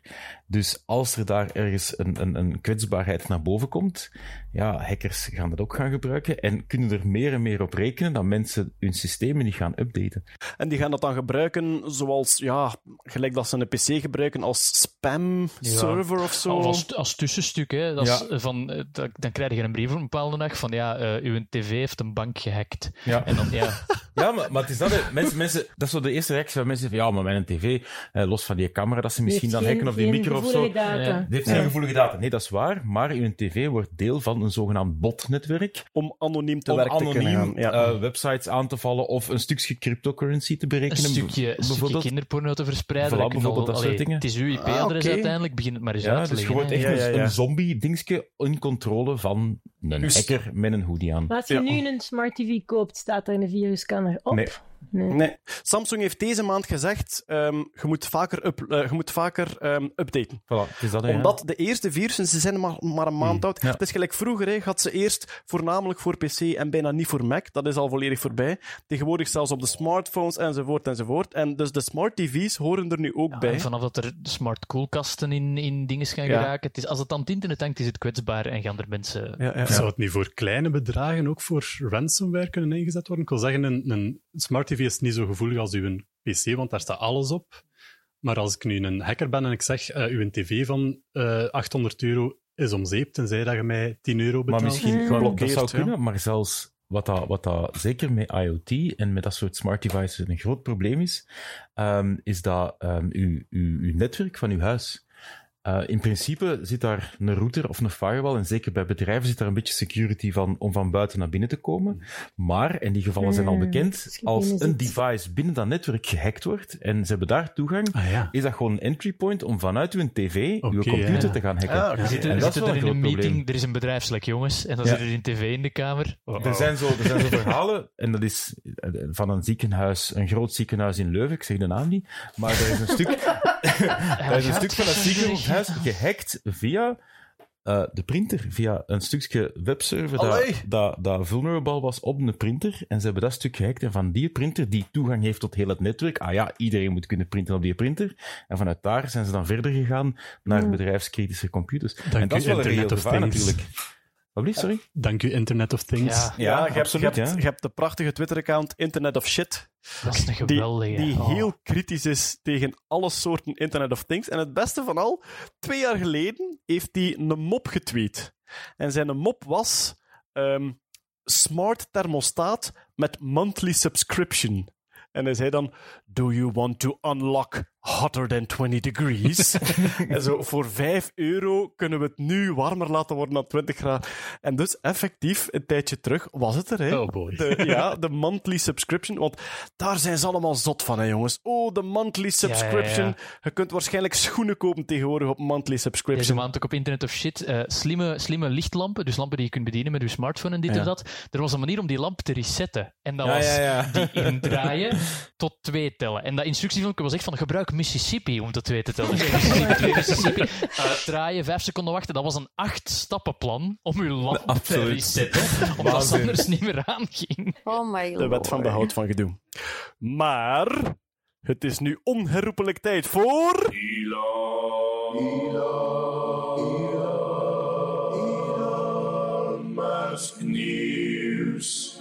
Het eh Musk-nieuws valt nogal mee, eigenlijk. Ik denk van de andere gorillas, er is, er is geen Bezos-nieuws of niet echt. Ja, Facebook-nieuws, laat ons misschien de Libra, we hebben hem vorige keer, dus de, Ja. de nieuwe Ja. cryptomunt van, van Facebook, we hebben hem vorige keer kort aangehaald. Vlak na onze opname werd hij dan groot in het nieuws gebracht. Ik denk dat we hem vorige keer nog volgens de geruchten de megacoin of de worldcoin genoemd hebben, denk Libra ik. coin of zo. Libra, ja, zo heet hij. Valt er iets nieuws over te zeggen sindsdien? Dat het eigenlijk niet echt een cryptocurrency is. Dat het een Nee. cryptocurrency is die zo eigenlijk gebackt wordt door Visa en allemaal andere bedrijven Ja. Het is een Excel-sheet. Ja. Ja, oké. Ja, het is wel groter, daar wordt wel veel over geschreven, dus eh, dat is altijd wel plezant. Maar ehm, ja, dat is spannend afwachten wat dat gaat geven. Hè. Maar er zit wel blockchain-technologieën als zijnde. Maar, maar ja, goed, normaal gezien bij blockchain kan iedereen meerekenen. En Ja. dat is nu niet het geval. Nee, het is nu, nu, dat zijn het, iedereen nu zijn het thuis... de grote bedrijven die kunnen zeggen van oké, wij helpen een boek wel mee bijhouden voor, voor, voor veel geld en recognition. Oké, ze houden een boek bij, maar gaan ze ook, zoals bij blockchain, gaan ze ook dat soort hashes uitrekenen om dan... te- Zelfs dat niet. Nee, ik denk niet dat dat er, Nee. dat dat er Ja, dan is het geen nee. cryptocurrency. Nee, maar eigenlijk denk ik, is het zo'n beetje eh, de term cryptocurrency dat ze misbruikt hebben van Facebook uit dan, om eigenlijk gewoon als bedrijf een munt uit te geven en dus niet onder de controle van een of andere Ja. bank of, of, Ja, ja. of overheid. Ja. En dat is het grote probleem, want ze zeggen nu van ja, Facebook heeft zijn eigen eigenlijk als land gemanifesteerd. Een staat met een een eigen staat munt. met een eigen munt. Ze zijn ook groter dan vele staten. Wat is dat? Helaas. Eh, maar, ehm, dus het is aangekondigd. Er is heel veel analyse geweest van de theoretische kant. Vanaf wanneer komt het in praktijk? Goh, goeie vraag. Ik denk Ja. 2020 pas. of zo. Het is 2020, echt, ja. het is Dus 1 ja, januari 2020. Nu, is- nu is Ja, er gewoon een is paper, niet zeker, nee. nu is er gewoon een paper gepubliceerd. dus Oké, het is ja. echt nog, ja, Ja, ik ben heel benieuwd, want dat gaat het volgende testpunt zijn. Hè. Als zijnde springen mensen erop, beginnen ze te kopen, kunnen ze die, die speculanten in de hand houden. Ook, ja, al, ook al is het geen cryptocurrency, het heeft een, een positief effect gehad op de cryptocurrency-markt, omdat met alle buzz er rond en alle, iedereen dat erover praat, hebben veel mensen het gezien als ah, Facebook neemt het woord cryptocurrency in de mond, dat valideert het toch ergens, dus we gaan deze bizarre inflatiemunten Ja. eh, meer waarde toekennen. Oké, ehm, ja, het is afwachten tot als het concreter wordt.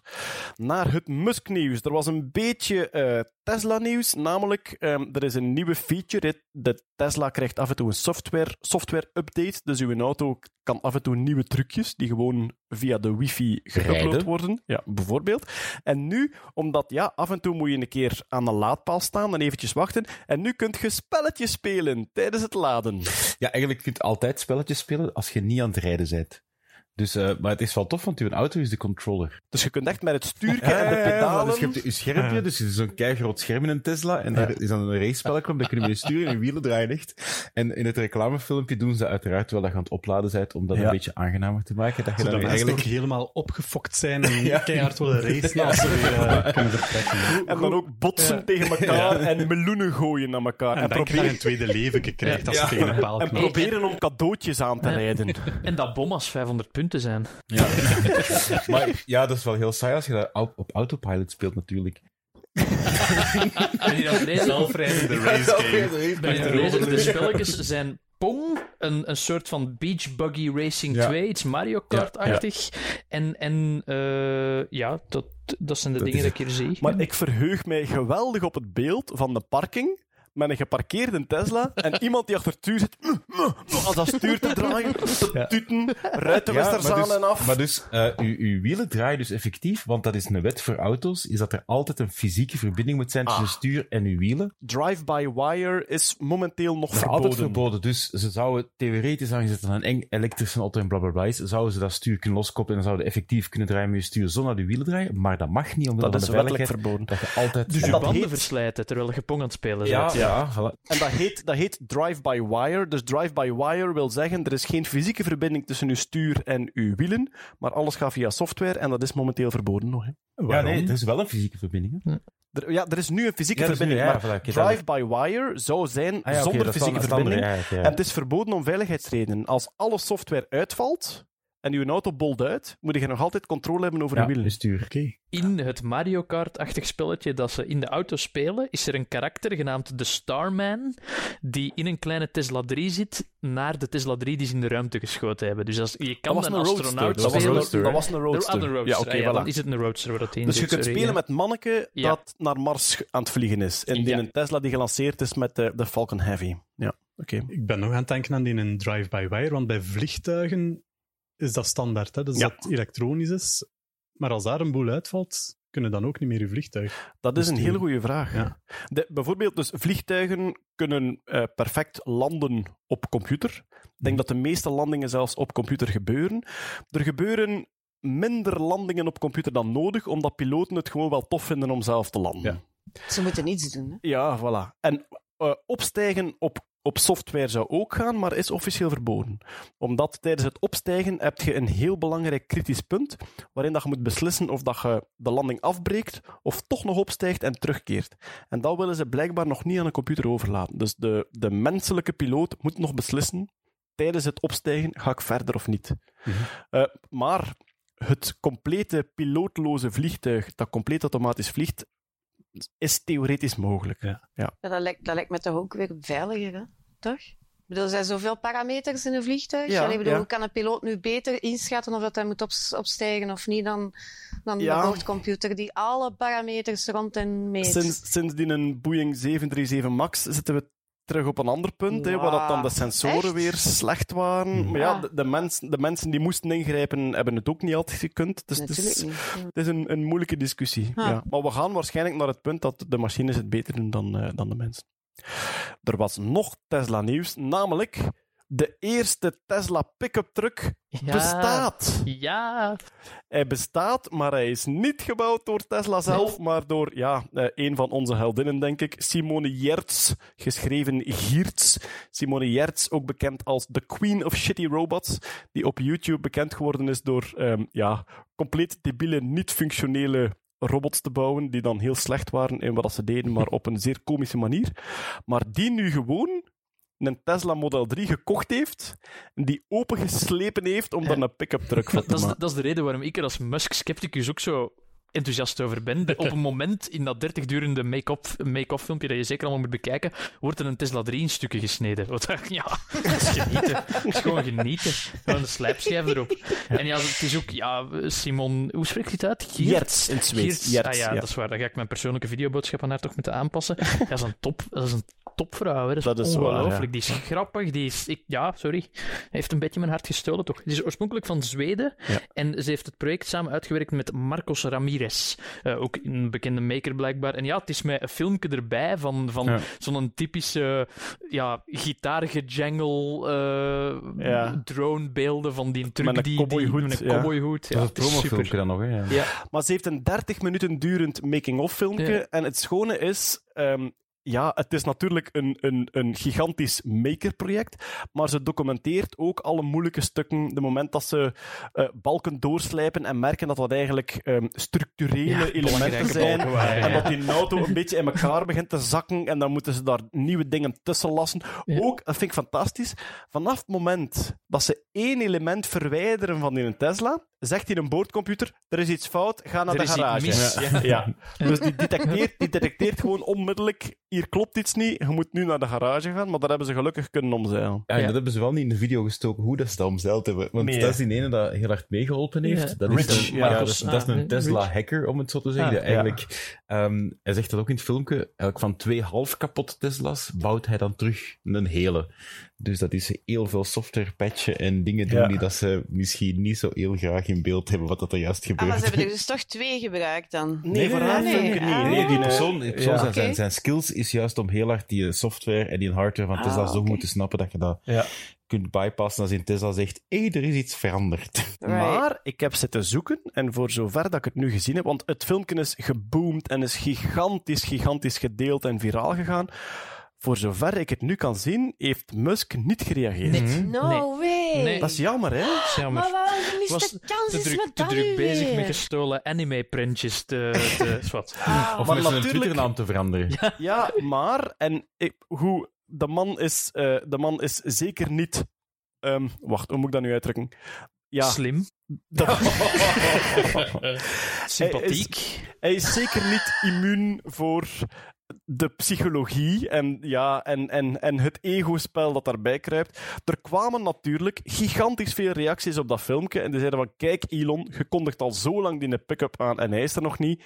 Simone heeft hem gebouwd. En misschien is hij daardoor wel in zijn gat gebeten van, nee, nee, nee, nee. Dus ja... Een meisje was mij voor. Maar ik vind het heel spijtig dat hij niet reageert, want het is zo'n cool project. Spijtig genoeg om van kamp te veranderen. Nee, want Simone Yeerts bouwt in een auto ook omdat ze absoluut een Ja, maar ik, zit in het Simone Giertskamp wel, hè. daar zit maar ik wel in. Simone. Yeerts is een, is een Elon Musk van Jeroen. Ik weet het niet. Zet je een fan van Oh, iemand? heb je het filmpje gezien? Ja. Ja, hoe, dat is, hoe dat ze bijna... Kijk, we iedereen- gaan hier toch eventjes in de iedereen maakt Tesla fouten. afhalen. Iedereen maakt fouten. We gaan de, de cognitieve dissonantie hier toch eventjes ten top drijven bij Jeroen Waard. Simone Heerts is een Musk van eh Jeroen. Kijk, dat, je proeft dat niet, hè. zelfs Els, zelfs Els was aan het zuchten nu, dat vind ik wel fijn. Je zit u echt in een hoekje van eenzaamheid aan het. Ja, dat was uw geheime wapen. Dus leef eh, hier. wie weet. Ja. Zeg maar, nu dat weer alle... eh, Is, is Jonas nog, nog steeds het Musk van kamp? Jonas Want we hebben daar ooit is over nieuw. gediscussieerd. Ik heb Ja. Jonas ooit Jonas, de vraag ja. gesteld in Ja. onze gang hier. Ja? En het antwoord toen, als ik me niet vergis, was ehm, fan van sommige van de projecten, niet per se van de persoon. Dat is een soort van nuance dat we niet maar- kunnen gebruiken.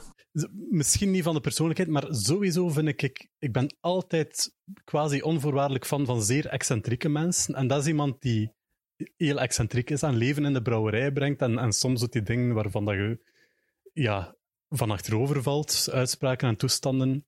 En provoceren en soms kinderachtig. Maar dat soort mensen is gewoon fantastisch. Gewoon al als entertainmentwaarde.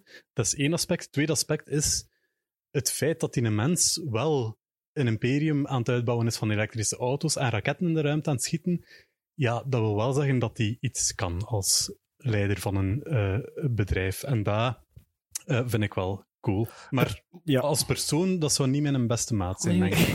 Ja, moet niet- ik parafraseer Jonas Gernaert. Als het maar leven in de brouwerij brengt. Ik vind Adolf Hitler best wel leuk. het is dat moment van de avond. Ik mag. Reductio ad Hitlerem. Ja, absoluut. Ja, Ja. reductio ad leven in de Hitlerem. brouwerij, hè, bro. We hebben nog een puntje eh, van een van zijn andere projectjes. Eh, ehm, vlammenwerpers zijn nu officieel verboden in de staat New York. Wegens het succes van de vlammenwerper die hij met de Boring Company verkocht heeft. Maar gewoon al het feit dat een staat een wet moet invoeren van jongens, dit is toch niet iets wat je bij moet hebben op de bus. Ja, het, ja, bon. Ja, het is omdat het een oorlogswapen is. Hè. Ja. Maar was dus- er iemand, heeft er iemand iets, iets misgedaan? Ik hoop dat het preventief was. Ah, oké. Maar, Dat is eh, tijd, moeite en geld dat er kruipt in iets idioot. Voilà, maar het brengt leven in de brouwerij. Jeroen. Eh, dat sowieso. Eh, SpaceX-nieuws. eh, de Starlink-satellieten, eh, dus die 60 Ja. testsatellieten die draaien rond de aarde. Ehm, ja, bon. Er was een soort goed nieuwsbericht dat zei: we hebben nog controle over 57 van de 60. Ja. Hmm. Het slechte nieuws zou zijn. Drie van de 60 zijn na een maand al niet meer onder controle. Ehm, En eh, storten zichzelf richting de aarde ook op een ongecontroleerde manier. Oké, maar klopt, hè, ze gaan opbranden in de atmosfeer, maar ze zijn zodanig klein dat die onmogelijk brokstukken op de aarde gaan laten landen. Eh, dat was ook ingecalculeerd in de Starlink-satellieten als zijnde als ze buiten controle geraken, moeten ze opbranden in de atmosfeer. Het zou wel tot drie jaar duren, drie tot vijf jaar, eer dat ze effectief genoeg wrijving hebben van de, van de hoge atmosfeer om op te branden. Maar ja, als je dat upscaled naar Ja, ik was ook aan het 11.000 extrapoleren. satellieten. 5% van de gelanceerde Mhm. satellieten Ja, momenteel ja. is niet meer bestuurbaar. Hè? Ja. Dat zijn er al rap, als je het upscaled... eh, naar 11.000 is het. ja, hè? ik, voilà, ik had ja. het omgerekend met, ik denk het originele aantal dat ze willen lanceren is 23.000 of zoiets. Dus Ja. dat zou betekenen 600 niet werkbare satellieten Ja. in de... Allee, zwart. Mag de domme leek een vraag stellen? Om nog Eh, even eh, op te frissen wa- wat die Starlink juist doet. En vooral, waarom hebben ze 11.000 van die dingen nodig? Starlink zou een netwerk zijn van satellieten, waardoor dat je ehm, van op aarde ehm, altijd internet hebt via de ruimte. Ehm, nu, voor zover ik het begrepen heb, kun je niet met je telefoon rechtstreeks inloggen op een satelliet. Er zouden op verschillende plekken op de aarde eigenlijk een soort grondstations moeten zijn, die dan wifi uitzenden naar een hele brede eh, omgeving. Je hebt tegenwoordig al satelliettelefoons, zoals de Iridium telefoons. Mhm, en ja. die hebben, ik denk, een zeventigtal satellieten nodig, zodanig dat je altijd op elk punt op de aarde line of sight hebt naar een van de Ja. satellieten. Maar om dat heel dens internetnetwerk over de hele aarde te krijgen, hebben zij dus een project uitgewerkt waarbij dat je er tussen de 11 en de 23.000 nodig hebt. Maar dat heeft meer met capaciteit te maken van dataverkeer dan Ja. met line of sight van ik heb maar één nodig en mijn Het telefoon netwerk. internet. Oké, ja. Het netwerk. Ja. Hoe meer knopen in het netwerk, hoe meer verschillende routes dat er zijn, hoe sneller dat je de kortste route kunt pakken en hoe meer dat je kunt omzeilen als er iets, als er iets misgaat. Eigenlijk 4G-zendmasten in de ruimte Ja. Eh, ja. min of meer. Maar dan ook, die satellieten communiceren ook met elkaar. Ja. Hè? Dus je zou dan echt gestuurd van uw telefoon stuurde naar een lokaal grondstation. Die stuurde omhoog naar de satelliet. En als je dan naar de andere kant van de wereld moet, dan gaat die echt via, ja, ik denk een honderdtal tussenstationtjes van de ene satelliet naar de andere ja. communiceren en zo de beste route zoeken om Ja. ergens anders terug naar beneden Maar te gaan. moet altijd via een, een grondstation gaan, want dat lijkt me heel raar om dan in de, in de ruimte al die dingen te doen, want er liggen ik weet niet veel kabels in de zee ook, die dat eigenlijk veel sneller internetverkeer van Europa naar Amerika en van Europa naar Afrika zo doen. Ja, dan moet je aan Elon vragen waarom het Starlink... Ik, ik denk dat voornamelijk is... ehm eh, elon.musk.com. Ehm, ik denk dat het voornamelijk is voor de gebieden waar er nog weinig kabels liggen. Eh, Dus voor- ook die kabels, daar moet je capaciteit op huren. En dat kan ook wel best iets kosten. Ja, en op zo'n satelliet waarschijnlijk ook, hè. Als je die zelf gelanceerd hebt, misschien niet. Ja. Ah. Ja. We zullen zien, ook alweer, wat de toekomst brengt zal er van, weer niet goed over nagedacht hebben, de Musk. van Starlink. Verder had Musk onlangs gezegd, eh, een van zijn vele uitspraken, dat hij vermoedt dat de, sa- dat de, ehm, de civilization, dus de menselijke beschaving, binnen de 30 jaar in elkaar zal storten. Maar geeft hem wat meer geld en hij maakt er 15 van. Hè? Zo is hem wel. Maar wat bedoelt hij daar precies mee, Ja, eigenlijk is het niet zo, is niet zo eh, wereldschokkend hè, wat hij daarmee bedoelt. Eigenlijk is hij ook gewoon, zoals iedereen, tot de constatatie gekomen dat de ja, mensen ouder worden en dat dus de bevolkingspyramide omgekeerd wordt. Dat is, eh, dat dus- Vergrijzing. Ja. Vergrijzing. Dat is eigenlijk wat dat hij wil zeggen, vergrijzing, ja. Maar er had iemand iets gezegd van, ja, eh, ja oh, ik weet niet meer welk eh, instituut dat, dat was, maar dat was een of andere, ja, een van de Amerikaanse instituut dat zei van, ja, maar, eh, overbevolking is een probleem, waarop dat hij zei van, nee, het is niet de overbevolking die een probleem is, maar het is de, de, de, de- het generationeel probleem, hè, dat Ja. er dus meer oudere mensen zijn en minder eh, jongere mensen zijn. En dus, voilà, omgekeerde bevolkingspyramide, minder actieve mensen. ik vind dat soms, ja, ik vind dat soms intrigerend om te zien. Ik vind het soms intrigerend om te zien hoe dat ehm, bepaalde van de futuristische problemen die telkens terugkomen, elkaar compleet tegenspreken. Als zijnde, je hebt het typische probleem van de automatisering en het feit van er gaan niet genoeg jobs zijn voor iedereen enzovoort. En dan heb je dit vergrijzingsprobleem van een heel deel van de bevolking dat niet meer actief werkt, maar wel nog eh, pensioenuitkering krijgt. Dan denk ik, ja, die twee heffen elkaar toch op? Als je zodanig geautomatiseerd bent, dan kun je toch met een veel kleinere jonge bevolking heel de boel draaiend houden. Maar het gaat om om inkomsten te genereren, hè. Het gaat om om pensioenen te betalen van die oudere mensen, hè. Ah, voilà, dat gaan de robots doen, hè. Die gaan die verzorgen en zo. Jij hebt oude mensen nog niet met robots bezig gezien. Ga mijn yoghurtje halen! Een dagschotel! Oh ja, oh nee. En vooral, bedoel, iedereen van onze generatie kent de telefoons die wij kregen vanaf ongeveer 20 jaar geleden. Ja, pa, ja, ja, ja, nee. Gedrukt op file en dan op Ah, ja. open. Nee, nee, nee, nee, nee, nee, nee, nee. nee, die, nee, dat staat bovenaan links. Ik weet nog, met neveneffecten zaten Nee, wij je met... kunt niet van een JPEG een gif maken door gewoon Ah, ja. die naam te veranderen. Maar wij zaten met neveneffecten heel vaak met vier in de auto naar Ja. Nederland en terug. En om de zoveel tijd had één van ons vier die een telefoon weer en iedereen wist wat er aan het gebeuren was. En het, het sloot altijd af met: Het is goed. Ja, en dan legde de telefoon af. Hij gaat geen e-card sturen, maar een gewoon kaart met de post. Daar kwam het meestal op neer. Ik had eh, een maand geleden een gelijkaardig moment, maar met goede afloop. Ik was ongelooflijk fier op mijn ouders, maar ook op mezelf. Wat was er gebeurd? Mijn petekindje had bij mijn ouders een filmpje gemaakt dat ze nodig had voor een spreekbeurt voor haar school. Ja. Maar ze was dat vergeten meenemen of overzetten op een stick. Dus ik heb aan een telefoon mijn ouders uitgelegd hoe dat ze een filmpje vanuit hun fotosapplicatie moeten eh, eh, naar Dropbox slepen en daar in de publieke folder en dan een Dropbox-link kopiëren en naar mij mailen, zodat ik het naar de ouders van het petekind in kwestie kon sturen. En op minder dan 10 minuten was dat in kannen en kruiken en dat was zo, zo atypisch voor dat soort telefoons. Via de cloud. Ja. Dus in een samenwerking tussen grootouders en een kleinkind, Yes. heb jij als nonkel van het kleinkind Ja. eigenlijk via de cloud alles kunnen oplossen. Ja. Volgens en mij... dat nog voor het Starlink-netwerk van Elon Musk online is. Ja. Ik heb vorige maand moeten uitvlooien hoe dat... Ik ga niet zeggen wie erin geslaagd was om in plaats van één account te maken op LinkedIn en zich telkens daarop in te loggen, die had telkens opnieuw een nieuwe account gemaakt. Dus die had Oh, no. 20 LinkedIn-profielen, omdat hij het verschil tussen sign-in en login niet door had. Ah, en, en, En- nu ja. heeft de persoon in kwestie 30 jobs. Ja, dus het was mijn taak om alle profielen buiten haar hoofdprofiel weg te halen. Dus ja, dat was... Ik hoop dat LinkedIn nu een beetje automatisch doorheeft dat ze diegene een IT-job moeten geven. dat zou toch het minste zijn dat je kunt verwachten van het algoritme. Maar dus dan weet jij nu de voornaam van haar of zijn eerste kat? Het is familie Kurt. Ja. Ja, maar ja. Goed, eh, dat is eigenlijk alles qua Musk-nieuws. En dan is er nog een beetje SpaceX-nieuws. En het gaat hem, denk ik, over de schepen die de fairing step moeten opvangen. hè. Ja, dus we, ja, hebben ja. Al, we hebben al raketten die teruglanden, maar een raket, de moment dat je opstijgt, uw satelliet wordt niet blootgesteld aan de atmosfeer. Want dat is een slecht plan als je een paar keer sneller het geluid gaat.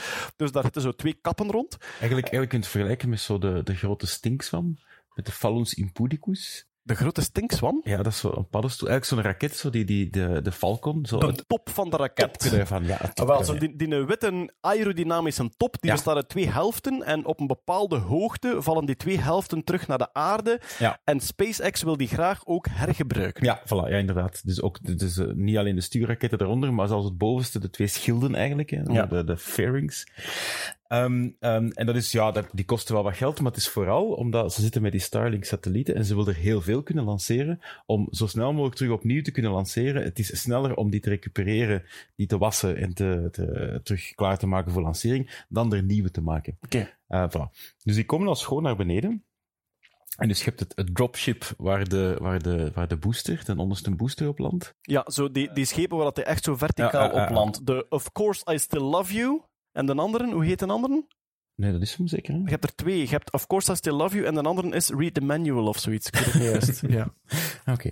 Ehm, en je hebt dus ook een tweede schipje. Eigenlijk zo, dat is een tijdje geleden in het nieuws geweest. Dat dat zo gelijk ehm, eh, een, een, een, een baseball handschoen bij wijze van spreken. Maar zo net dat open gaat. En dat schip gaat er zo eh, Een eigenlijk. gigantisch net. Want Ja, zo- probeer zo- zo- zo'n fairing heeft geen propellers, heeft geen raketten. Nee, je kunt dat niet sturen. Dat Met een parachute komt dat naar beneden. Dus je kunt dat proberen te voorspellen waar dat, het ongeveer gaat landen. En ze Ja. weten de snelheid waarmee het landt. Ze weten ongeveer de wind en zo toestanden. En dan hebben ze zo berekend van ja, we moeten onze boot zo snel sturen, want die boot gaat veel minder snel dan dat, dat, dat die fairing eigenlijk Mhm. landt. Ehm, dus dat was, en dat was eigenlijk, die boot heette eerst Mr. Stevens. Oké. Waarom weet ik niet. Maar dan hebben ze eigenlijk bedacht, eigenlijk moet dat niet, want door het feit dat hij met ehm, een, een eh, parachute landt op het water, Mhm. eigenlijk heeft dat genoeg kracht verloren dat dat gewoon op, het water kan landen. Je kunt die oppikken. En je kunt die oppikken. Maar ja, je moet daar wel snel genoeg zijn natuurlijk, want dat Mhm. ding begint te zinken anders. Ja. Eh, en dus hebben ze een tweede boot, Mr. Tree heet die. Mhm. En dan zijn ze nu aan het testen om de volgende keer dat Falcon 9, dus die, eh, die met die satellietlanceringen, dat ze die eigenlijk terug die fairings gaan recupereren ook. Dus eigenlijk krijgen binnenkort hopelijk een extra camera viewke naast de... Dus als de volgende keer een Falcon Heavy lanceert, krijg je al de, de twee eh, side boosters die simultaan landen. Mhm. Je krijgt dan de main booster die daar op een bootje landt. Hopelijk deze keer eindelijk vierde keer, goede keer dat hij Ja. daar landt. en dus dat andere bootje, dat zo die fairings gaat halen. Dus het wordt een... eh, Duur heb de volledige soapserie van dingen die, die Voilà, ja, gerecupereerd voilà, ja. worden ook. Het wordt eh, interessant. Voilà. En ze zijn ook aan een boot aan het werken die Jeroen zijn scepties kan opvangen. Oh, Ja, ja, dat is echt. Dat is dan een extra Naam van die boot is Try Again. voilà. Goed, daarmee hebben we het Musk-nieuws gehad. En dan hebben we eigenlijk nog een soort, ja, een soort nieuw personage in onze grote soap die wij meestal in het Musk-nieuws afspelen. En dat is eh, Satoshi Nakamoto, wie Ja. hij ook mag zijn. Ah, Mark Ijskes. Eh, voor, maar, ja. maar dus vorige keer was de zogenaamde Paul LeRoux, Paul Solocci LeRoux, De gangster. de, ja, gangster, de ja, gangster, absoluut, de gearresteerde gangster, werd, kwam plotseling in beeld als zijnde, waarschijnlijk is hij Satoshi Nakamoto. En het lijkt erop, enfin, eh, er is, het is nog niet ontkracht. Nee. Bij, de vorige, bij de vorige verdachten ging het veel sneller dat mensen heel snel konden zeggen, ja, hij is het eigenlijk niet. En bij die Paul Solotje is er toch heel veel dat zijn richting uitwijst. Ja, het blijft nog altijd. Maar ja, de vorige de ontkrachting van. ey, dus gaat Salocci, die blijft inderdaad. Er is nog niks er tegen ingegaan. Maar ja, hij heeft ook niet zelf geclaimd. Nee, Dus dat is hè? namelijk Dus het gevangen. Ja, Ja, ja. voilà. Dus eh, we weten het niet zeker. Nu, de vorige vorige, dus Craig Wright, waarvan dat iedereen al zegt van, eh, dat is niet, eh, dat is niet Mr. Bitcoin, maar dat is, eh, wacht, wat is zijn naam nu weer? Ik heb zo'n een bijnaam gekregen van... eh, Dat is een beetje een Balthazar Boma Ja, van, van voilà. de... Allee, niemand gelooft. Sonochi, was dat Ja. dan niet? Ja, Sonochi, hij wordt Ja. zoals fraud Ja. en blablabla. Maar dus iedereen zegt hij is het niet, behalve Craig Wright, die blijft pretenderen dat het is. Misschien ook omdat hij die miljoen bitcoins eh wil. Ja, niet alleen dat. Hij zit natuurlijk met die rechtszaak. Hè. De vorige keer gezegd, die re- rechtszaak waarbij dat de naam ehm, van, van Leroux gevallen is. En hij heeft in de, in de rechtszaal heeft hij nu ehm, aan het wenen geweest. Al wenend toch blijven volhouden. Ik ben Satoshi Nakamoto. En de vraag die de rechter gesteld heeft was van, ja, maar als jij de uitvinder bent, waarom heb je dan uw eigen eh, Bitcoin fork, hè, dus een variant, hij heeft een nieuwe soort munt eh, op de markt gebracht. En dan heeft hij al wenend gezegd van, ja, maar Bitcoin wordt te hard gebruikt voor Silk Road en voor de dark web en voor kinderporno en ik wou dat niet meer. En Ja, daar hangt een slechte naam aan. ja, daar hangt Ah, een slechte naam aan. En, ehm, En ja, met zijn nieuwe munt kan dat niet, of wel, of zijn nieuwe even sterker goed. onder controle. kan dat even goed. Het is ook goed om te vermelden dat eh, de bitcoin nog zes maanden heeft om boven een miljoen dollar uit te schieten. Of, Aha, eh, ja. John McAfee moet dan zijn, eh, Zijn eigen piemel zijn eigen piemel beginnen. Dus ja, Nog zes maanden. nog zes maanden. Ik ja, denk ja. dat we ergens komt allemaal- online... komt allemaal in orde. Hij heeft onlangs getweet van ja, maar deze is nog maar, want de bitcoin is de laatste paar maanden om het verschillende redenen ja. een beetje aan het stijgen. En hij zegt van, god, dit is nog maar het begin. Het gaat, het gaat, het gaat nog veel meer worden. Zeg, we moeten toch ergens online een teller zetten. Een die aftelt tot McAfee die zijn eigen Ja. piemel opeet. Ja, en dan een livestream. Ja, voilà. Oh, en dan de livestream van... Ja. Oh, kijk, ja, kijk, voilà. De, de hele Game of Thrones scène eh, helemaal opnieuw. Eh, goed, maar dus ehm, momenteel ja, lijkt het nog steeds dat Paul Saloche Leroux, Maar we, dat ik, Nakamoto elke maand moeten we een nieuwe in de hoed gooien. Je weet, Mark Eskes is altijd in de hoed voor mij. Ik heb eh, de, de vorige maand ook getweet met eh, Bram Cohen, de uitvinder van BitTorrent, een andere internettechnologie. Mhm. En die liet al grappend tussen de lijnen door weten, BitTorrent, Bitcoin. Ik bedoel, het is duidelijk van waar de inspiratie komt, dus ik kan het ook zijn. Oh. Vraagteken, vraagteken. Dus Kijk eens ja, aan. Smet hem er maar bij. je, Wie hebt, weet. je, je hebt ook Bitly, Bitly, ja. Ja, Ah, de ja. internetafkortingsdienst. Ah ja, juist. Ja. Ja. Kennen, we nog be- kennen we nog bekende mensen die beginnen met Bit? Bit. Ja, Bit. Ik ken er geen, a- alleszins.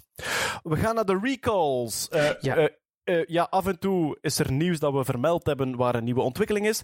En iedereen die extra opmerkingen heeft, kan ons altijd mailen op podcast.nerdland.be.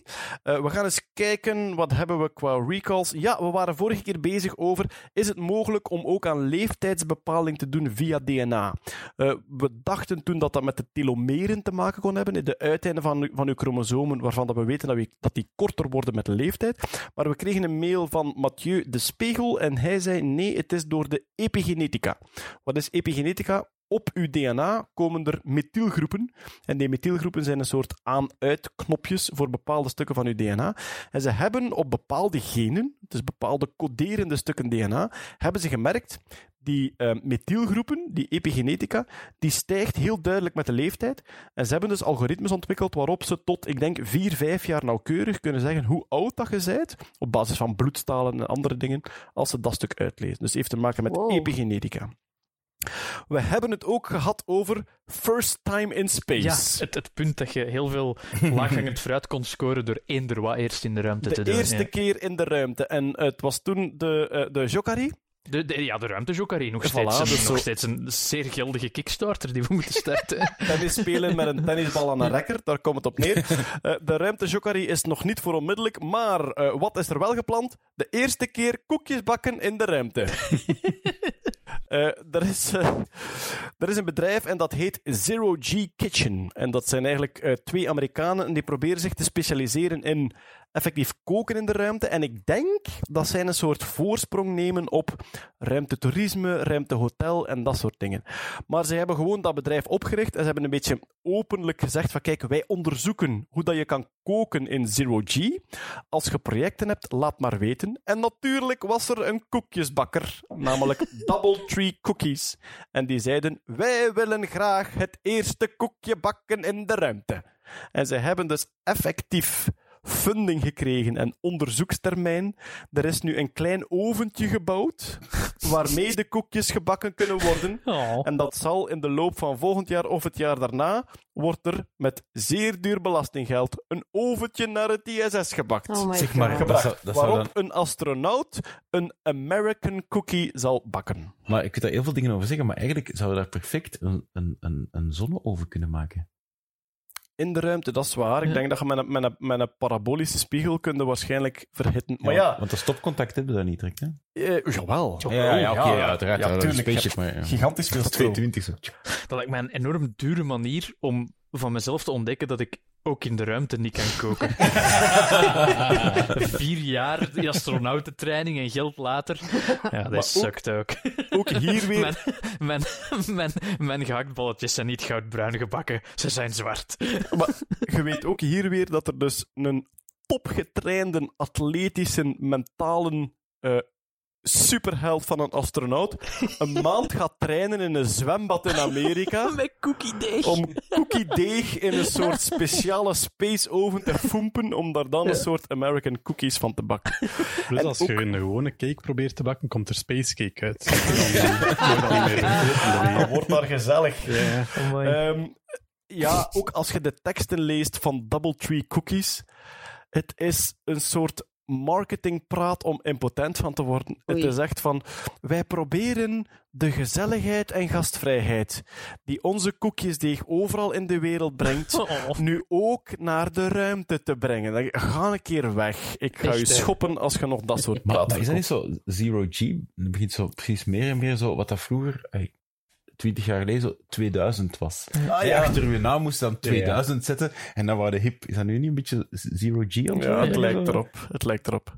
Maar Nike dus- Air, zero G. De eerste keer koekjes bakken in de ruimte, het komt eraan. Je kunt dat niet Ehm, op, een para op een paraboolvlucht doen, dan denk ik. Nee, het gaat over het ruimteaspect, niet het gewichtloos aspect. Het gaat Ja, niet het gewichtloze- gewichtloze ja. wel, maar een paraboolvlucht, ik denk dat je 20 seconden gewichtloos hebt. Ja, heel Per- snel moeten bakken. Snelle, parabool. Jij, kookt veel, precies. Alles dat ik eh, kook is klaar op 20 seconden. De 20 seconden die ik nodig heb om het Deliveroo-mannetje terug buiten te werken. Eh, dankjewel, doei. Volgens de geruchten, niet alleen als je kookt, Jeroen. En dat Maar dat brengt dat, ons... is, eh, dat, is, dat is een meerdere keren 20 seconden. Ja, ja. Dus de, voilà. Maar dat brengt ons naadloos bij het eh, volgende onderwerp. We hadden het ook over het lanceren van het eigen DNA in de ruimte. Ehm, Tuffen. eh, nee. Nee. Ehm, er is gigantisch veel onderzoek naar eh, bevruchting, zwangerschap in de ruimte. Er is al onderzoek gedaan naar. ehm, er zijn al ratten zwanger de ruimte ingestuurd om te kijken als er kinderen geboren worden, wat het gevolg daarvan is. Maar wat wil een Russische onderzoekster nu doen? Irena Ogneva van het Russian Academy of Sciences. Zij wil graag het zaad van astronauten vergelijken voor, tijdens en na de ruimtevlucht. Maar het logistieke probleem waar zij op stuit is: geen enkele cosmonaut wil rukken in de ruimte. Dus ik ik zou kunnen zeggen van, kom jongens, slaapzakken als ze terug zijn. Boven een potje. Inderdaad. Klaar. Ja, Russische za- Russisch zaadonderzoek vindt geen rukkers in de ruimte. Daar komt het eh, eigenlijk een beetje op neer. Nu, we hebben het er vorige keer al, eh, we hebben het er een paar keer geleden al over gehad. De ehm, Nederlandse astronaut Wubbo Okkels. Ja, die had hij niet een speciaal zakje in zijn slaapzak laten installeren? Wubbo Okkels, die ik ooit mogen ontmoeten heb, is helaas overleden ondertussen. Eh Wubbo Okkels is erin geslaagd om enkele NASA-ingenieurs aan het werk te zetten om aan zijn slaapzak een rukgat te voorzien. Oh, kijk. Omdat hij... Sorry, ik had er niet mogen voorzitten dat hij net overleden is, want dat komt bij mij nu binnen als hij is gestorven zoals hij wou leven. Maar ja, ehm Wubbo met, ik denk, de typische... Heet die echt Wubbo? Wubbo Okkels, ja. Met zijn typische Nederlandse rechtendoorheid heeft hij waarschijnlijk gewoon gezegd van kom maar jongens, we gaan niet onnozel doen. Ik ben 30 dagen in de ruimte. Ik ben ook maar een mens. Eh, er, gaat, er gaan vochten vloeien. De grote kans, de grote kans dat ik de lancering niet haal zonder eh. Dat is Er gaat vocht vloeien en ik wil het op een veilige manier doen. Dus had Wubbo nog geleefd, dan konden ze hem gewoon naar de aarde sturen. kregen ze 2 liter sample terug. Maar eh, de, Russen, de Russen zijn preutser, dus er is een zoektocht naar... ehm, ja, Naar rukkende ruimterukzaad. Russische astronauten. Ja. Cosmonauten, ja. Space inderdaad. wankers. Space Wankers, ja. Looking, eh, ja, inderdaad. Luke Skywanker. Ro- Rocosmos. Rocosmos looking for Space Wankers. Awesome. Ja. We hebben het vorige keer ook gehad over het feit dat je bij Skype-gesprekken altijd naar elkaar zijn navel zit te kijken, omdat die camera hoger staat dan de gesprekspartner, behalve bij Jeroen, waar hij lager stond. Ja, hè? de neus, de Ik neushaarcamera. heb ook een Ja. neushaarcamera. Ja, ja, dat is irritant. die Dell XPS van, ja. van de KU Leuven. Ja. Oké, ik ga... Ah, dat is van de, alle twee van de KU Leuven. Goede machine, maar dat, dat Ik is... ja. ga, ik ga die zin nu gewoon isoleren en zonder context online zetten. Marian die zegt, ik heb ook een neushaarcamera. En dan gewoon het, eh, het daar eigenlijk bij houden. Maar Marian, de, eh, Intel, waar dat jij nog gewerkt hebt, denk Waar ik. ik gewerkt heb, Je hebt ja. nog voor, eh, voor Intel gewerkt. Die hebben nu een soort oplossing gebouwd in software, denk ik. Ja, het is eigenlijk opnieuw een neuraal netwerk. Dus alles is tegenwoordig neurale netwerken. Dus daar hebben ze gedaan. Ze hebben een neuraal netwerk getraind waar je eigenlijk een foto, of dus heel veel foto's achter elkaar, hè, een video insteekt.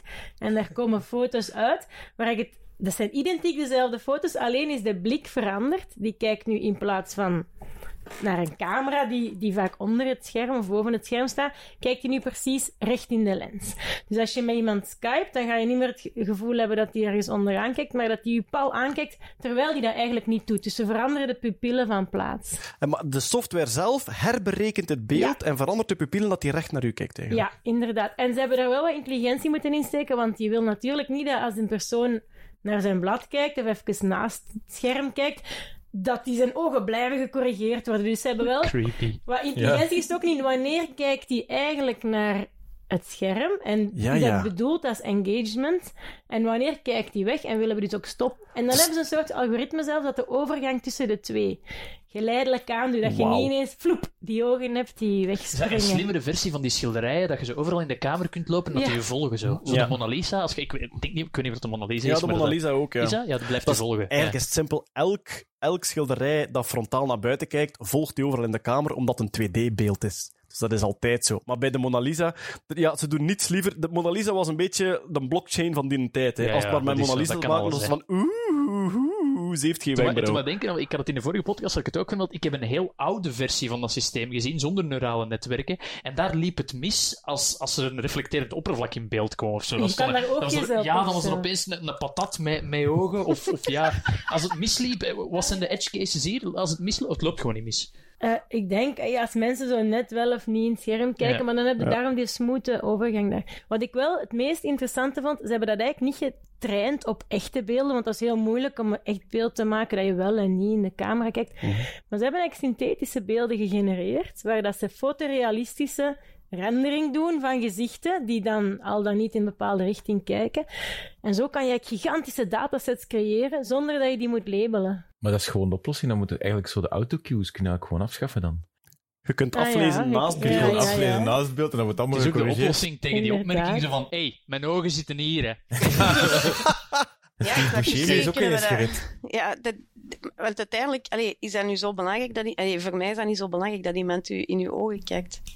Als je echt aan het skypen bent met iemand en die kijkt zo precies heel tijd onder of boven u, Ja, maar ik kijk dat ook nooit... Maar dat is juist mijn ding, want ik kijk ook nooit in die mensen hun ogen, want dat vind ik ook vervelend. Dus dan, dan merk ik het gewoon niet. Je kijkt vaak naar de mond, zeker? Bij mij is dat zo. Ik kijk vaak naar de mond, omdat dat beweegt. kijk ik naar uw oog, eh, eh, wenkbrauw. Naar mijn wenkbrauwen. Ja. die zijn eh, uiteraard eh, geweldig prominent. Hè. Dat Ja, is-. Ik heb Kijk. zo'n speciale app en ik kijk altijd naar de borsten van mensen die kleren aan hebben. Het zou niet makkelijk zijn trouwens als Microsoft gewoon naar elke Skype-gebruiker een doosje stuurt met twee green key contactlenzen, dat je die gewoon bij elk Skype-gesprek hebt en dan kan de computer de pupillen zetten waar dat die wil. Ja, maar dan kan je zelf ook inzetten van waar wil ik dat de persoon met wie dat kan praten ben Of we gaan gewoon allemaal een zonnebril opzetten. Maar, Maar dus- trouwens, eh, een andere toepassing, maar in de omgekeerde richting misschien. Ik moest eraan denken, ehm, als wij aan onze reeks aan het monteren waren, er was, het gebeurde soms dat er een goede take was, maar waar dat een acteur of zelfs een figurant in één keer in de lens kijkt. ja. En als je dat... Ja, nee, Dat maar je- gebeurt, dat is ja. wel Ja, dat kun je Of je moet al manueel die pupilletjes gaan Maar dat is een goede Ja, toepassing. absoluut. Ik al een Ja, veel ja, ja, betere zeker. toepassing dan naar Skype. constant doen. van, de gijzeling in de bank. Hmm. In de camera en zwaaien ook. Mag ik die groetjes doen aan mijn mama? Maar ik heb... eh, onlangs was ik aan het babbelen met mensen die, die, een, ehm, die eh, een, reali- dus een reality-reeks maakten waarin dat er namen veranderd moesten worden. Dat gebeurt soms in documentaires, dat je praat over gevoelige dingen en je moet namen veranderen. En wat moet je dan doen? Ja, je moet dat niet alleen in geluid onbruikbaar maken, je moet ook die mond blurren, wat dat er Ah, ja. eigenlijk heel lelijk uitziet. Maar er is nu software waarmee dat je gewoon een nieuwe naam intikt en de hele lip-sync volgt. Dus die persoon... Een beetje zoals die, die fake... Die, die, Dat is die deepfake? Ja, ja. ja, ja, dus de persoon zegt echt met lipsync en al, zegt hij een andere naam. Dat is nu, dat is nu al beschikbaar. Maar ik vind het wel goed dat ze dat aangepast hebben, dus die, die Skype-software. Als je dan effectief naar buiten kijkt, stel je voor, ja, er komt iemand binnen, je kijkt opzij en er staan echt zo twee ogen die in een onnatuurlijke hoek toch nog in dat scherm je staan dus ook iemand die geen broek aan heeft om te skypen, een broek geven? Als je, je per ongeluk recht staat of zo. Alleen als Ah, manifesteert. Mean, Er is een markt voor. ja. Met die AI, eerlijk gezegd, dat je dat nu persoon naakt maakt of niet, of die lippen anders doet, of die ogen anders, dat kan allemaal. Jeroen, zeg je nu naakt Ja. aan het skypen? Nee, nee, dat is een app. Ik zie het. moet dat negeren. Dat is wel realistisch, hè. je ziet dat zelfs. Ja, ja, ja, je kan, je kan springen en al. Dat is Ja. Amai, die nu AI gaat echt zo, ook zingen zo dat, dat de- animeerde en de alles. Ja, veerkracht, de veerkracht van het scrotum perfect nabootsen. De, de software... Dat is nieuw, ja, ja. Ik hoor wel dat uw grafische kaart aan het overhitten is. dat hoor ik wel, ja. Oké, daarmee hebben we al de recalls gehad. En we gaan eens zien, we hebben nog een paar eh, kleine nieuwsjes Ik heb staan. nog een paar kleintjes. Ehm, we hadden het daarnet al over DNA bij het oplossen van misdaden. We hebben het ook in het verleden al gehad over het feit dat er in de toekomst uit DNA gezichtsvorm af te leiden zou zijn. Dat onderzoek staat nog in het begin, maar er is nu wel een toepassing voor, namelijk niet zozeer de volledige robotfoto berekenen uit DNA, maar als je al 10 tot 15 verdachten hebt, zouden op basis van DNA in een line-up zo'n computer wel de juiste kunnen herkennen. Het, zijn eigenlijk, het is eigenlijk gewoon omgekeerd werken. Hè. In plaats van, van DNA naar een gezicht te werken, wa- wat redelijk onmogelijk is. Allee, pas op, er, zijn inderdaad al, al, al testen voor. En, en ik heb ook al wat dingen gezien, waar robots, robotfoto's gezien, gebaseerd op DNA-materiaal. Het, is- het, is, niet fantastisch, maar ik vind het toch Work redelijk, indruk, ja, ja. ik vind het redelijk indrukwekkend. Maar, maar omgekeerd is makkelijker. Dus als je een aantal verdachten hebt en je hebt een DNA-staal, kun je eh, wie is het gewijs, kun je eh dingen gaan, gaan uitselecteren. is het een man? Oké, dan gaan alle vrouwen weg. Heeft hij blond haar? Oké, dan, dan eh, je kent dat spelletje van wie is het. Wie hè. Je is hebt het, al ja. die- Maar dat is nu heel stom. die- Je hebt al een DNA-staal en Ja. je hebt een lijst van mensen. Ja, Wel, ik denk, ben niet zeker, hè, maar ten eerste, het, dit is academisch onderzoek. Ja. En ten tweede, ik denk, misschien zijn er bepaalde misdaden waarvoor dat je geen DNA-staal moogt nemen van je verdachte. Misschien is dat beperkt tot Ah. hele zware misdaden en kun je bij andere gewoon op, ja... Of je hebt verschillende DNA-stallen, of je DNA-stal is besmet geraakt met andere van... Of al uw verdachten Ja. zijn Russische cosmonauten die geen staal willen afgeven. Ja. Sowieso al. aarde wel, hè? Eh, maar er is een, het is een publicatie geweest, onder andere van de KU Leuven. hè. Peter Klaas is een onderzoeker die, daar, die daarop werkt. En het is effectief een grote publicatie geweest in de voorbije maand, waarin dat ze op academische wijze, dus ik denk, dat, denk dat ze nog niet aan het concrete juridische is- of crime ja. fighting denken, maar dat ze effectief een soort wie is het spel kunnen spelen en dus uit verschillende gezichten, op basis van die DNA, zuiver op gezichtsvorm kunnen zeggen, met deze vorm van neus kan je onmogelijk de DNA hebben. ja, en zelfs niet alleen met die vorm van neus. Ik bedoel, het gaat bijvoorbeeld zelfs over de afstand tussen je twee neusgaten. Dus Ah, dat zijn heel, je kunt redelijk specifieke dingen halen uit een DNA-profiel, waar dat je niet per se een gezicht mee kunt maken. Hè. Een robotfoto, allee, ja, dat is, er is zoveel centimeter tussen, tussen die twee neusgaten, daar kun je geen gezicht mee maken. Maar je Ah. kunt wel als je, als je die informatie hebt, kun je wel uit je verdachte die mensen gaan halen. Het is natuurlijk makkelijker om van iedereen een DNA-staal te, te, te krijgen en dan te gaan vergelijken. Maar, maar het is vooral interessant om te zien wat dat er nu met, met, met DNA-profiling allemaal mogelijk is. Zeker binnen ehm, forensic science, maar, maar ook allee, allee, breder dan dat. Hè? Maar ook de snelheid waarmee dat evolueert. Hè. Het, het, feit Ja. dat, het feit dat nu maand na maand sneller gaat. Ja, DNA en, DNA en misdaad. Het wordt een dingetje. Dat is wel een enorm lang wie is het spelletje, zo tussen twee DNA-onderzoekers van heeft hij TCG drie uur later T? Nee. Klap, klap, klap, klap, klap, klap, klap, klap. Vraag dan gewoon of hij een snor heeft. Nee. Oké, ik denk dat het ehm, eigenlijk tijd is voor... Ja, het wordt bijna een, eh, een vaste waarde. Hè. Ehm, Jeroens ontoerekeningsvatbare dierenrubriek. Oh ja. Eh, er is weer heel wat eh, Er zijn nieuws van alle, uit... van alle diertjes. Ja, Er is weer heel wat nieuws uit de wereld van de fauna en flora. En ehm, goed, we gaan ze doen in een verder onbelangrijke volgorde. Ten eerste, er is eigenlijk bewijs dat er vroeger reuze wombats bestaan De hebben. gigawombat, inderdaad. Er hebben eh, eh, medewerkers van, van de, de, de overheid, het werd online beschreven als, ik zie me echt zo, ja, twee mensen die een picknick aan het doen waren, terwijl ze formulieren aan het invullen waren. Die hebben in New South Wales, in Australië, hebben die een kaakbeen gevonden van een jonge diprotodon. En wat is een diprotodon? Een diprotodon, dat is wat dat ze noemen die horen tot de megafauna. Wat dat ik een topwoord vond, want je hebt dus Megafauna. flora en fauna. Dus flora zijn de bloemetjes en fauna zijn diertjes. Megafauna, dat zijn gigantische dieren. Dus mega. Eh, en dat is eigenlijk een voorloper van de wombat die gigantisch was. Die zou zo groot geweest zijn als een neushoorn. Eh, het grootste knaagdier ooit. eh, heeft vroeger geleefd tot 7000 tot 40.000 jaar geleden in Australië. Die had zo'n 100 tot 150 kilogram planten per dag nodig om te overleven. Je wilt niet weten wat kak dat eruit kwam. Ja, dat, dat, is- ja, dat maar is ik- een ik heb- serieuze kubusje. Ja, dat, ik heb het opgezocht. Het is niet duidelijk of die net zoals de normale wombat een gigantische kubieke meter aan kak.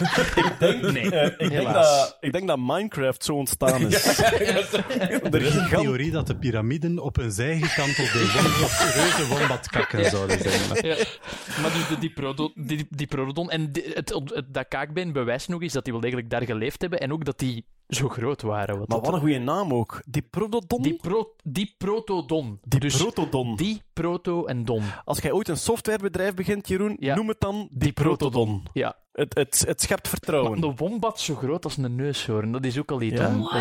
Maar dat is in, in? Zuid-Amerika hebben er ooit hamsters geleefd, ter grootte van een koe, denk ik. Hè? Ja, dat heb ik ook eens Ja, gehoord. ja. Luiaarden van 6, 7 meter hoog. De reuzenluiaard, ja. Inderdaad, ja. de reuzenluiaard. Die, ik denk, als ik me niet vergis, ook weer toevallig uitgestorven was als de mens daar Ja, ja. arriveerde. Ja, van Want die de, was lekker? Ah ja, Of iets wat? groot en lekker. Nee, vooral veel vlees dat traag beweegt. Ah ja, oké. van de, van like de it. diprotodon wordt ook gesuggereerd dat de mens een mogelijke rol heeft gespeeld in het uitsterven Oh, oké. ervan. Ja. Omdat je dan veel vlees hebt en een hele grote dobbelsteen. Om huizen te, er huizen mee bouwen, hè. De zitpoef. En- Zo denk ik aan Minecraft, inderdaad. Ja. Oké, Als je dan twee keutels Dus de samenbrengt, wordt het dan diprotodon, iets de ja. wat hebben we nog? Het prachtige nieuws. Newly described worms with strange yet marvelous butts. Dus nieuw, nieuw beschreven wormensoorten met gekke, maar prachtige konten. Het gaat om de Ampharete oculurata. De Ampharete. Ja. Oh. Hey. Oculuraat, nee. Eh, en die zijn gevonden op de West Shetland Shelf Marine Protected Area. Dat is een deel van Schotland onder water. Ik heb twee vragen. Hoe groot is de worm en wat is er precies zo prachtig aan zijn poep? Stefanie, jij, jij had, die had de maar er zijn, er zijn twee prachtige wormen. Ja. En, en met twee prachtige poepen. Het is te zeggen, Eh, voor de Nederlandse eh, luisteraars. De poep Kont. is de kont. de, ja. poep is kont, de kont. de kont kennen ze in Nederland? Ja, de Ja. kont. Ja. De poep dus de is dus ene, niet de uitleg, ene ja. worm heeft eh, ogen op zijn kont. Oh, heerlijk. En Ja. zonder artificial intelligence van Skype. Dat, dat, Nee. dat veronderstel ik. Oké. Echte ogen. En de andere worm, die eet steen en kakt zand. Ja. Waarom ogen op de kont heb ik opgezocht? Dat is ja. Ja. logischerwijze beter... eh, Om uit gezondheid eventjes te checken of de uitwerpselen er wel ook... Eigenlijk, het is een soort Japans toilet in uzelf. Nee, het is, het is om, om, om jagers de, de vijanden beter te kunnen zien. Als je ogen op je Ah. gat hebt, dan kun je beter Ah, zien. maar het zijn echte ogen. Het zijn echt het zijn Ah, functionele ogen. Ah, ik ja, ja, het ja. gewoon zo gelijk zo dat, dat sommige Mimicry. beesten- Ja, mimicry. Dat ze zo grote Nee, nee, nee, ogen nee, hebben. Dan denk het ik van, ik ben groter dan ik ben. Ik ben Het zijn niet niet zo van die opgeplakte googly Ah, eyes. ja. Het zijn, het zijn echt... Ik schudden met je gat en dan die bollen. Ja, oké. Dat is een soort van gek, gek wormencarnaval of zo. Nee, nee, het, zijn echt- het, het is wetenschap, jongens. Kom op. Functionele ogen. Ja. Ja. Functioneel. En al. die Functionele ogen op de kont, de droom van menig gevangene in de Verenigde Staten. Ja. Oh, leuk. En de, de worm die rotsen eet, dat is blijkbaar gewoon om de maag te schuren. Dus ze hadden er geen... geen eh, Ah, Ja. geen, geen voedingsstoffen uit de rots. nee, wat gewoon, maar logisch lijkt ook. maar- Stenen eten aan het scheiden. Ja. Oké. Ah ja, Ja. maar er zijn toch nog... Peter had niet moeten zijn, maar er zijn toch meer wormen die rotsen in stenen eten? Ongetwijfeld. Ah, ja. En Peter is op Hebben we te maken met wormskepsis? absoluut, ja, absoluut niet, nee, maar... ik- Maar wormen hebben toch geen tanden? Maar welk soort worm is het? Is het Een een platworm kleine. of is het zo... Ja, het is Ampharete oculorata. Het is geen regenworm, hè? Nee, het is zo'n soort... het, zijn ja. hele- het, zijn, het zijn microscopische wormen. Microscopische Het zijn- ja, ja, het zijn, wormen, Ah, oké. eh, Het is niet ja, dat die echt liggen knabbelen en dan... Nee, very tiny. Oh, bakstenen naar gooien. Je kunt die niet inzetten in de bouw. Je kunt er niet zo vijf halen voor, voor Dat puin moet weg. Je wordt morgens wakker en je huis is weg. En er ligt een worm in uw hoofd die brrr, even een boerke laat en dan zand scheidt. Hier zie, dit was uw huis, klootzak. Nee, helaas. Ook een geweldige manier om uit te breken uit de gevangenis. Om zo'n muur te laten wegvreten door een Ja. hond. En Ja, zo is een worm. Misschien wel een worm, het is misschien wel een worm die een oplossing brengt voor de ruimtelijke ordening in Vlaanderen. Gewoon even, even alles wegvreten en we beginnen opnieuw. Ah nee, en dan, de veranda-worm is langs geweest. als we kunnen via CRISPR, we kweken een hacienda-worm. die alle hacienda's opfret. Ja. Ja. Goed, eh, Ja. wat hebben we nog staan? Ja, grijze zeehonden kunnen melodietjes imiteren. Dat heb ik gemist. Dat, is, dat, dat heeft niks te maken met kak of achterse. Dus dat is volledig, Nee, wel. volledig van mijn radar. ja. Dus het is, het is een onderzoek. Ja, eh, zeehonden kunnen zo van die toet geluidjes maken. En toen dachten bepaalde trainer, dus trainers van de University of St. Andrews, die zeehonden aan het trainen waren, en die dachten, kunnen we die eh, trainen op de typische manier? Hè? Als je het goed doet, krijg je een visje. Toen dachten ze van, kijk, we spelen een melodietje, en als de zeehond het juist nadoet, krijgt hij een vis. En we gaan misschien eventjes luisteren naar het resultaat. Het staat op eh, YouTube, als je zoekt op Grey Seals Singing, dan komt je erop uit. Eh, dit is het resultaat. Dat is het speelden.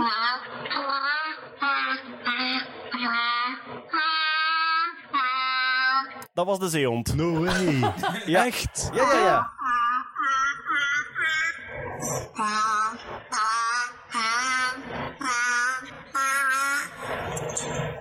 En nu krijgt hij een visje. Ah. Het is nog schattiger met beeld natuurlijk.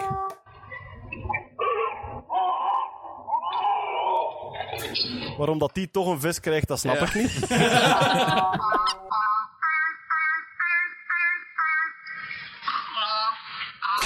Oei, oei.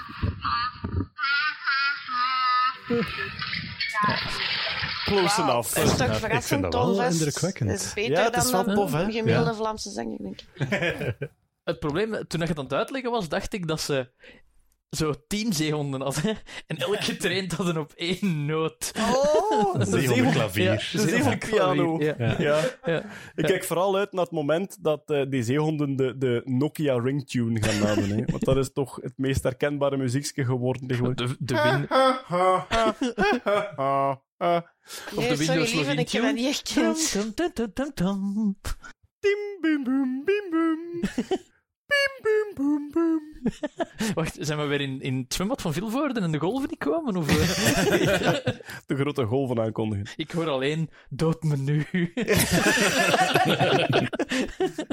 Er was in de jaren 60 een experiment waar ze dolfijnen bij mensen lieten inwonen in huizen die half onder water. Ja, ja, ja. Ja, na, na, na een kwartier was dat telkens echt om zeep. Want Eh, ik denk Was dat er eentje, verschillende waren. Waren er verschillen? Ja, er waren denk ik vier Want dat was met onderzoekers. die vrouw die dat die dan ook Ja. zo... Dus die vrouw had die ook leren praten. Dus het, het was een Ja. soort cohabitatie. We hadden een menselijke begeleider. Maar ik wil dat huis zien Ja, gewoon. eh. inderdaad. Ja, ik heb nog geen foto's. Ik heb het op een andere podcast gehoord, heel het verhaal. Een andere. En, sorry, ik heb jullie bedrogen een wetenschappelijke podcast.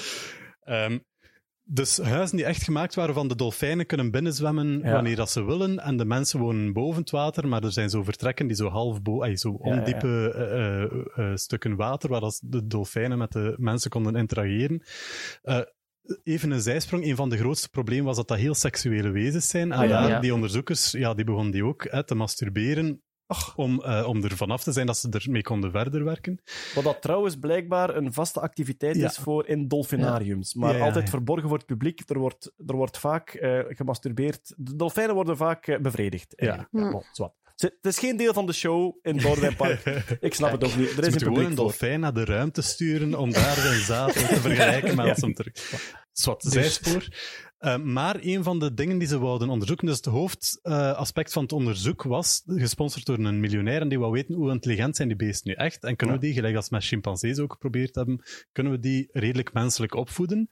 En hebben ze ook geprobeerd om dolfijnen te laten praten, en ze deden dat door met een spuitgat eigenlijk op de rand van het wateroppervlak eh, uit te ademen en zo met de bubbels ook geluid te maken. Allee! En er bestaat één geluidsfragment van een dolfijn die zo'n woord redelijk verstaanbaar uitspreekt. En als het een lucky shot was, was het eh, Sorry, heel in de, goed, in maar de context was... van dat masturberenverhaal is Lucky Shot echt... Ja, spuit gaat ook trouwens. Maar Ja. ehm, ik zoek het op en ik zet Ja. het er gewoon in Ja. de montage, eh, als ik het vind. A-E-I-O.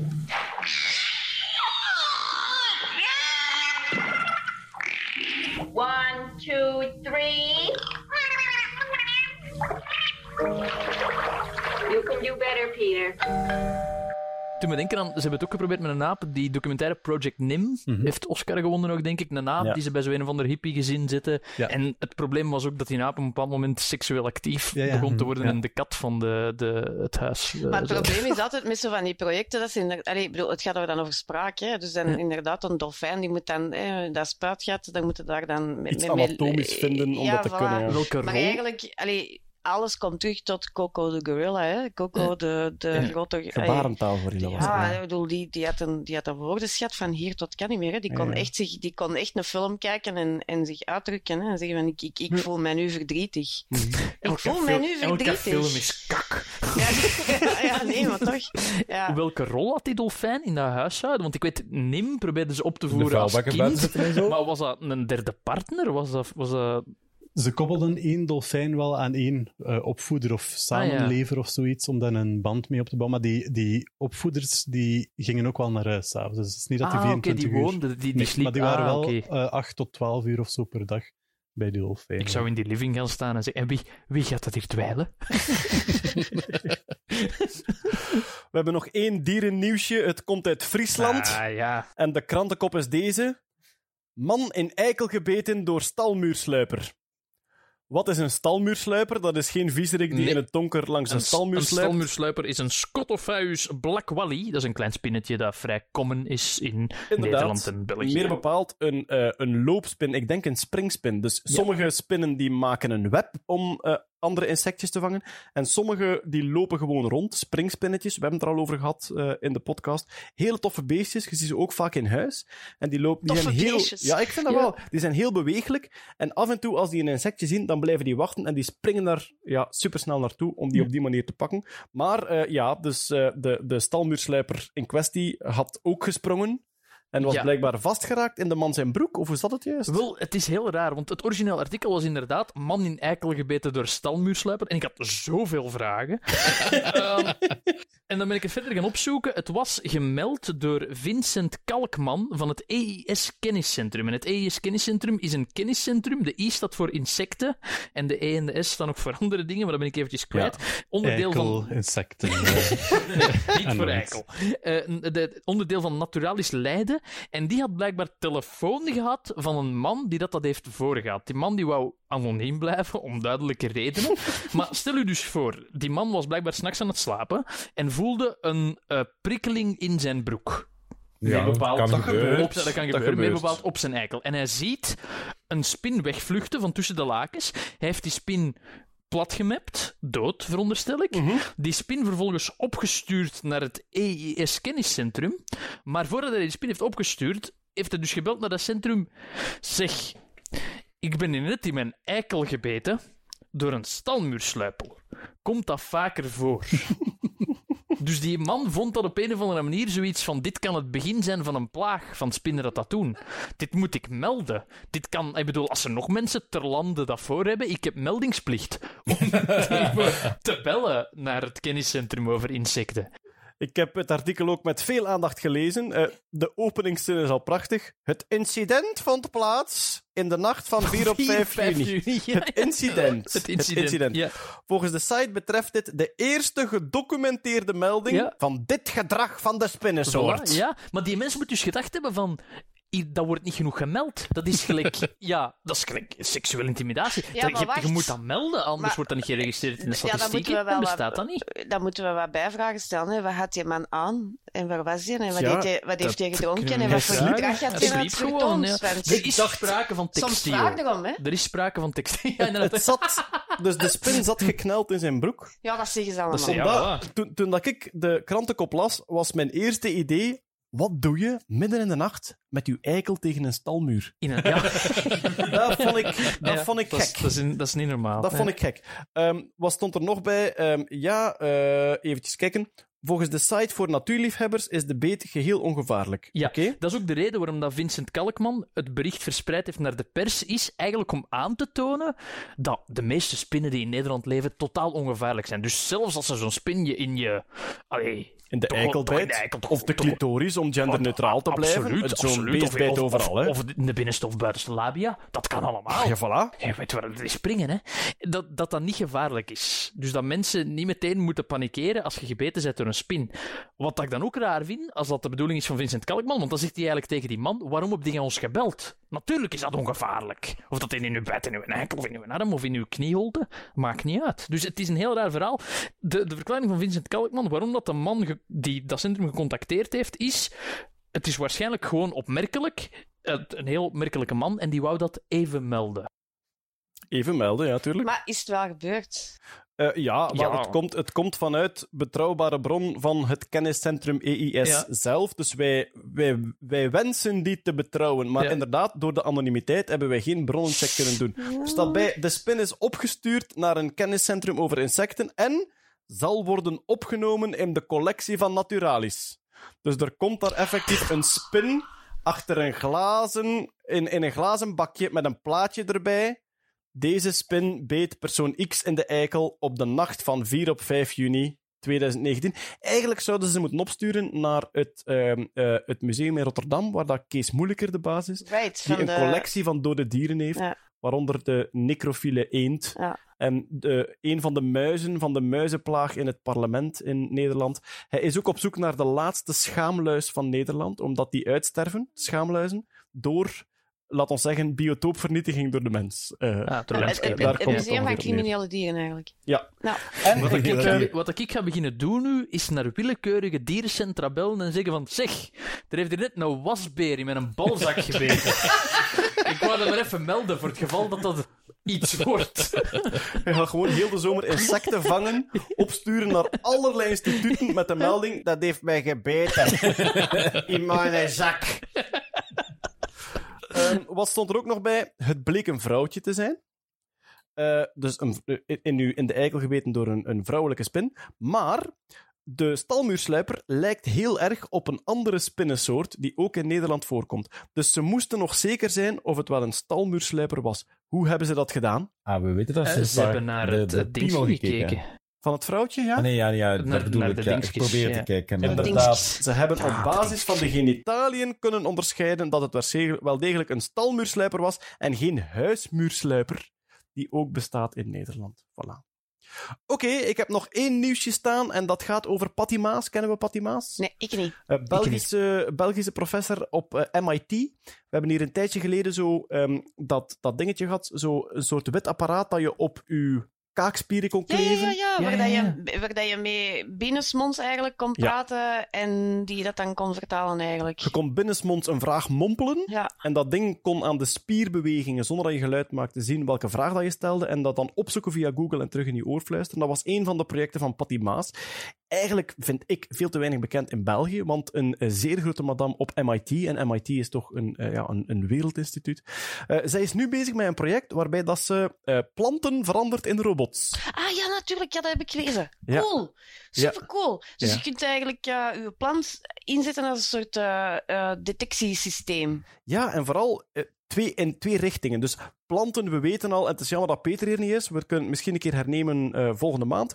Planten reageren biochemisch op van alles. Op licht, op aanwezigheid van andere planten, zelfs op dieren die voorbij komen. Allemaal minuscule veranderingen.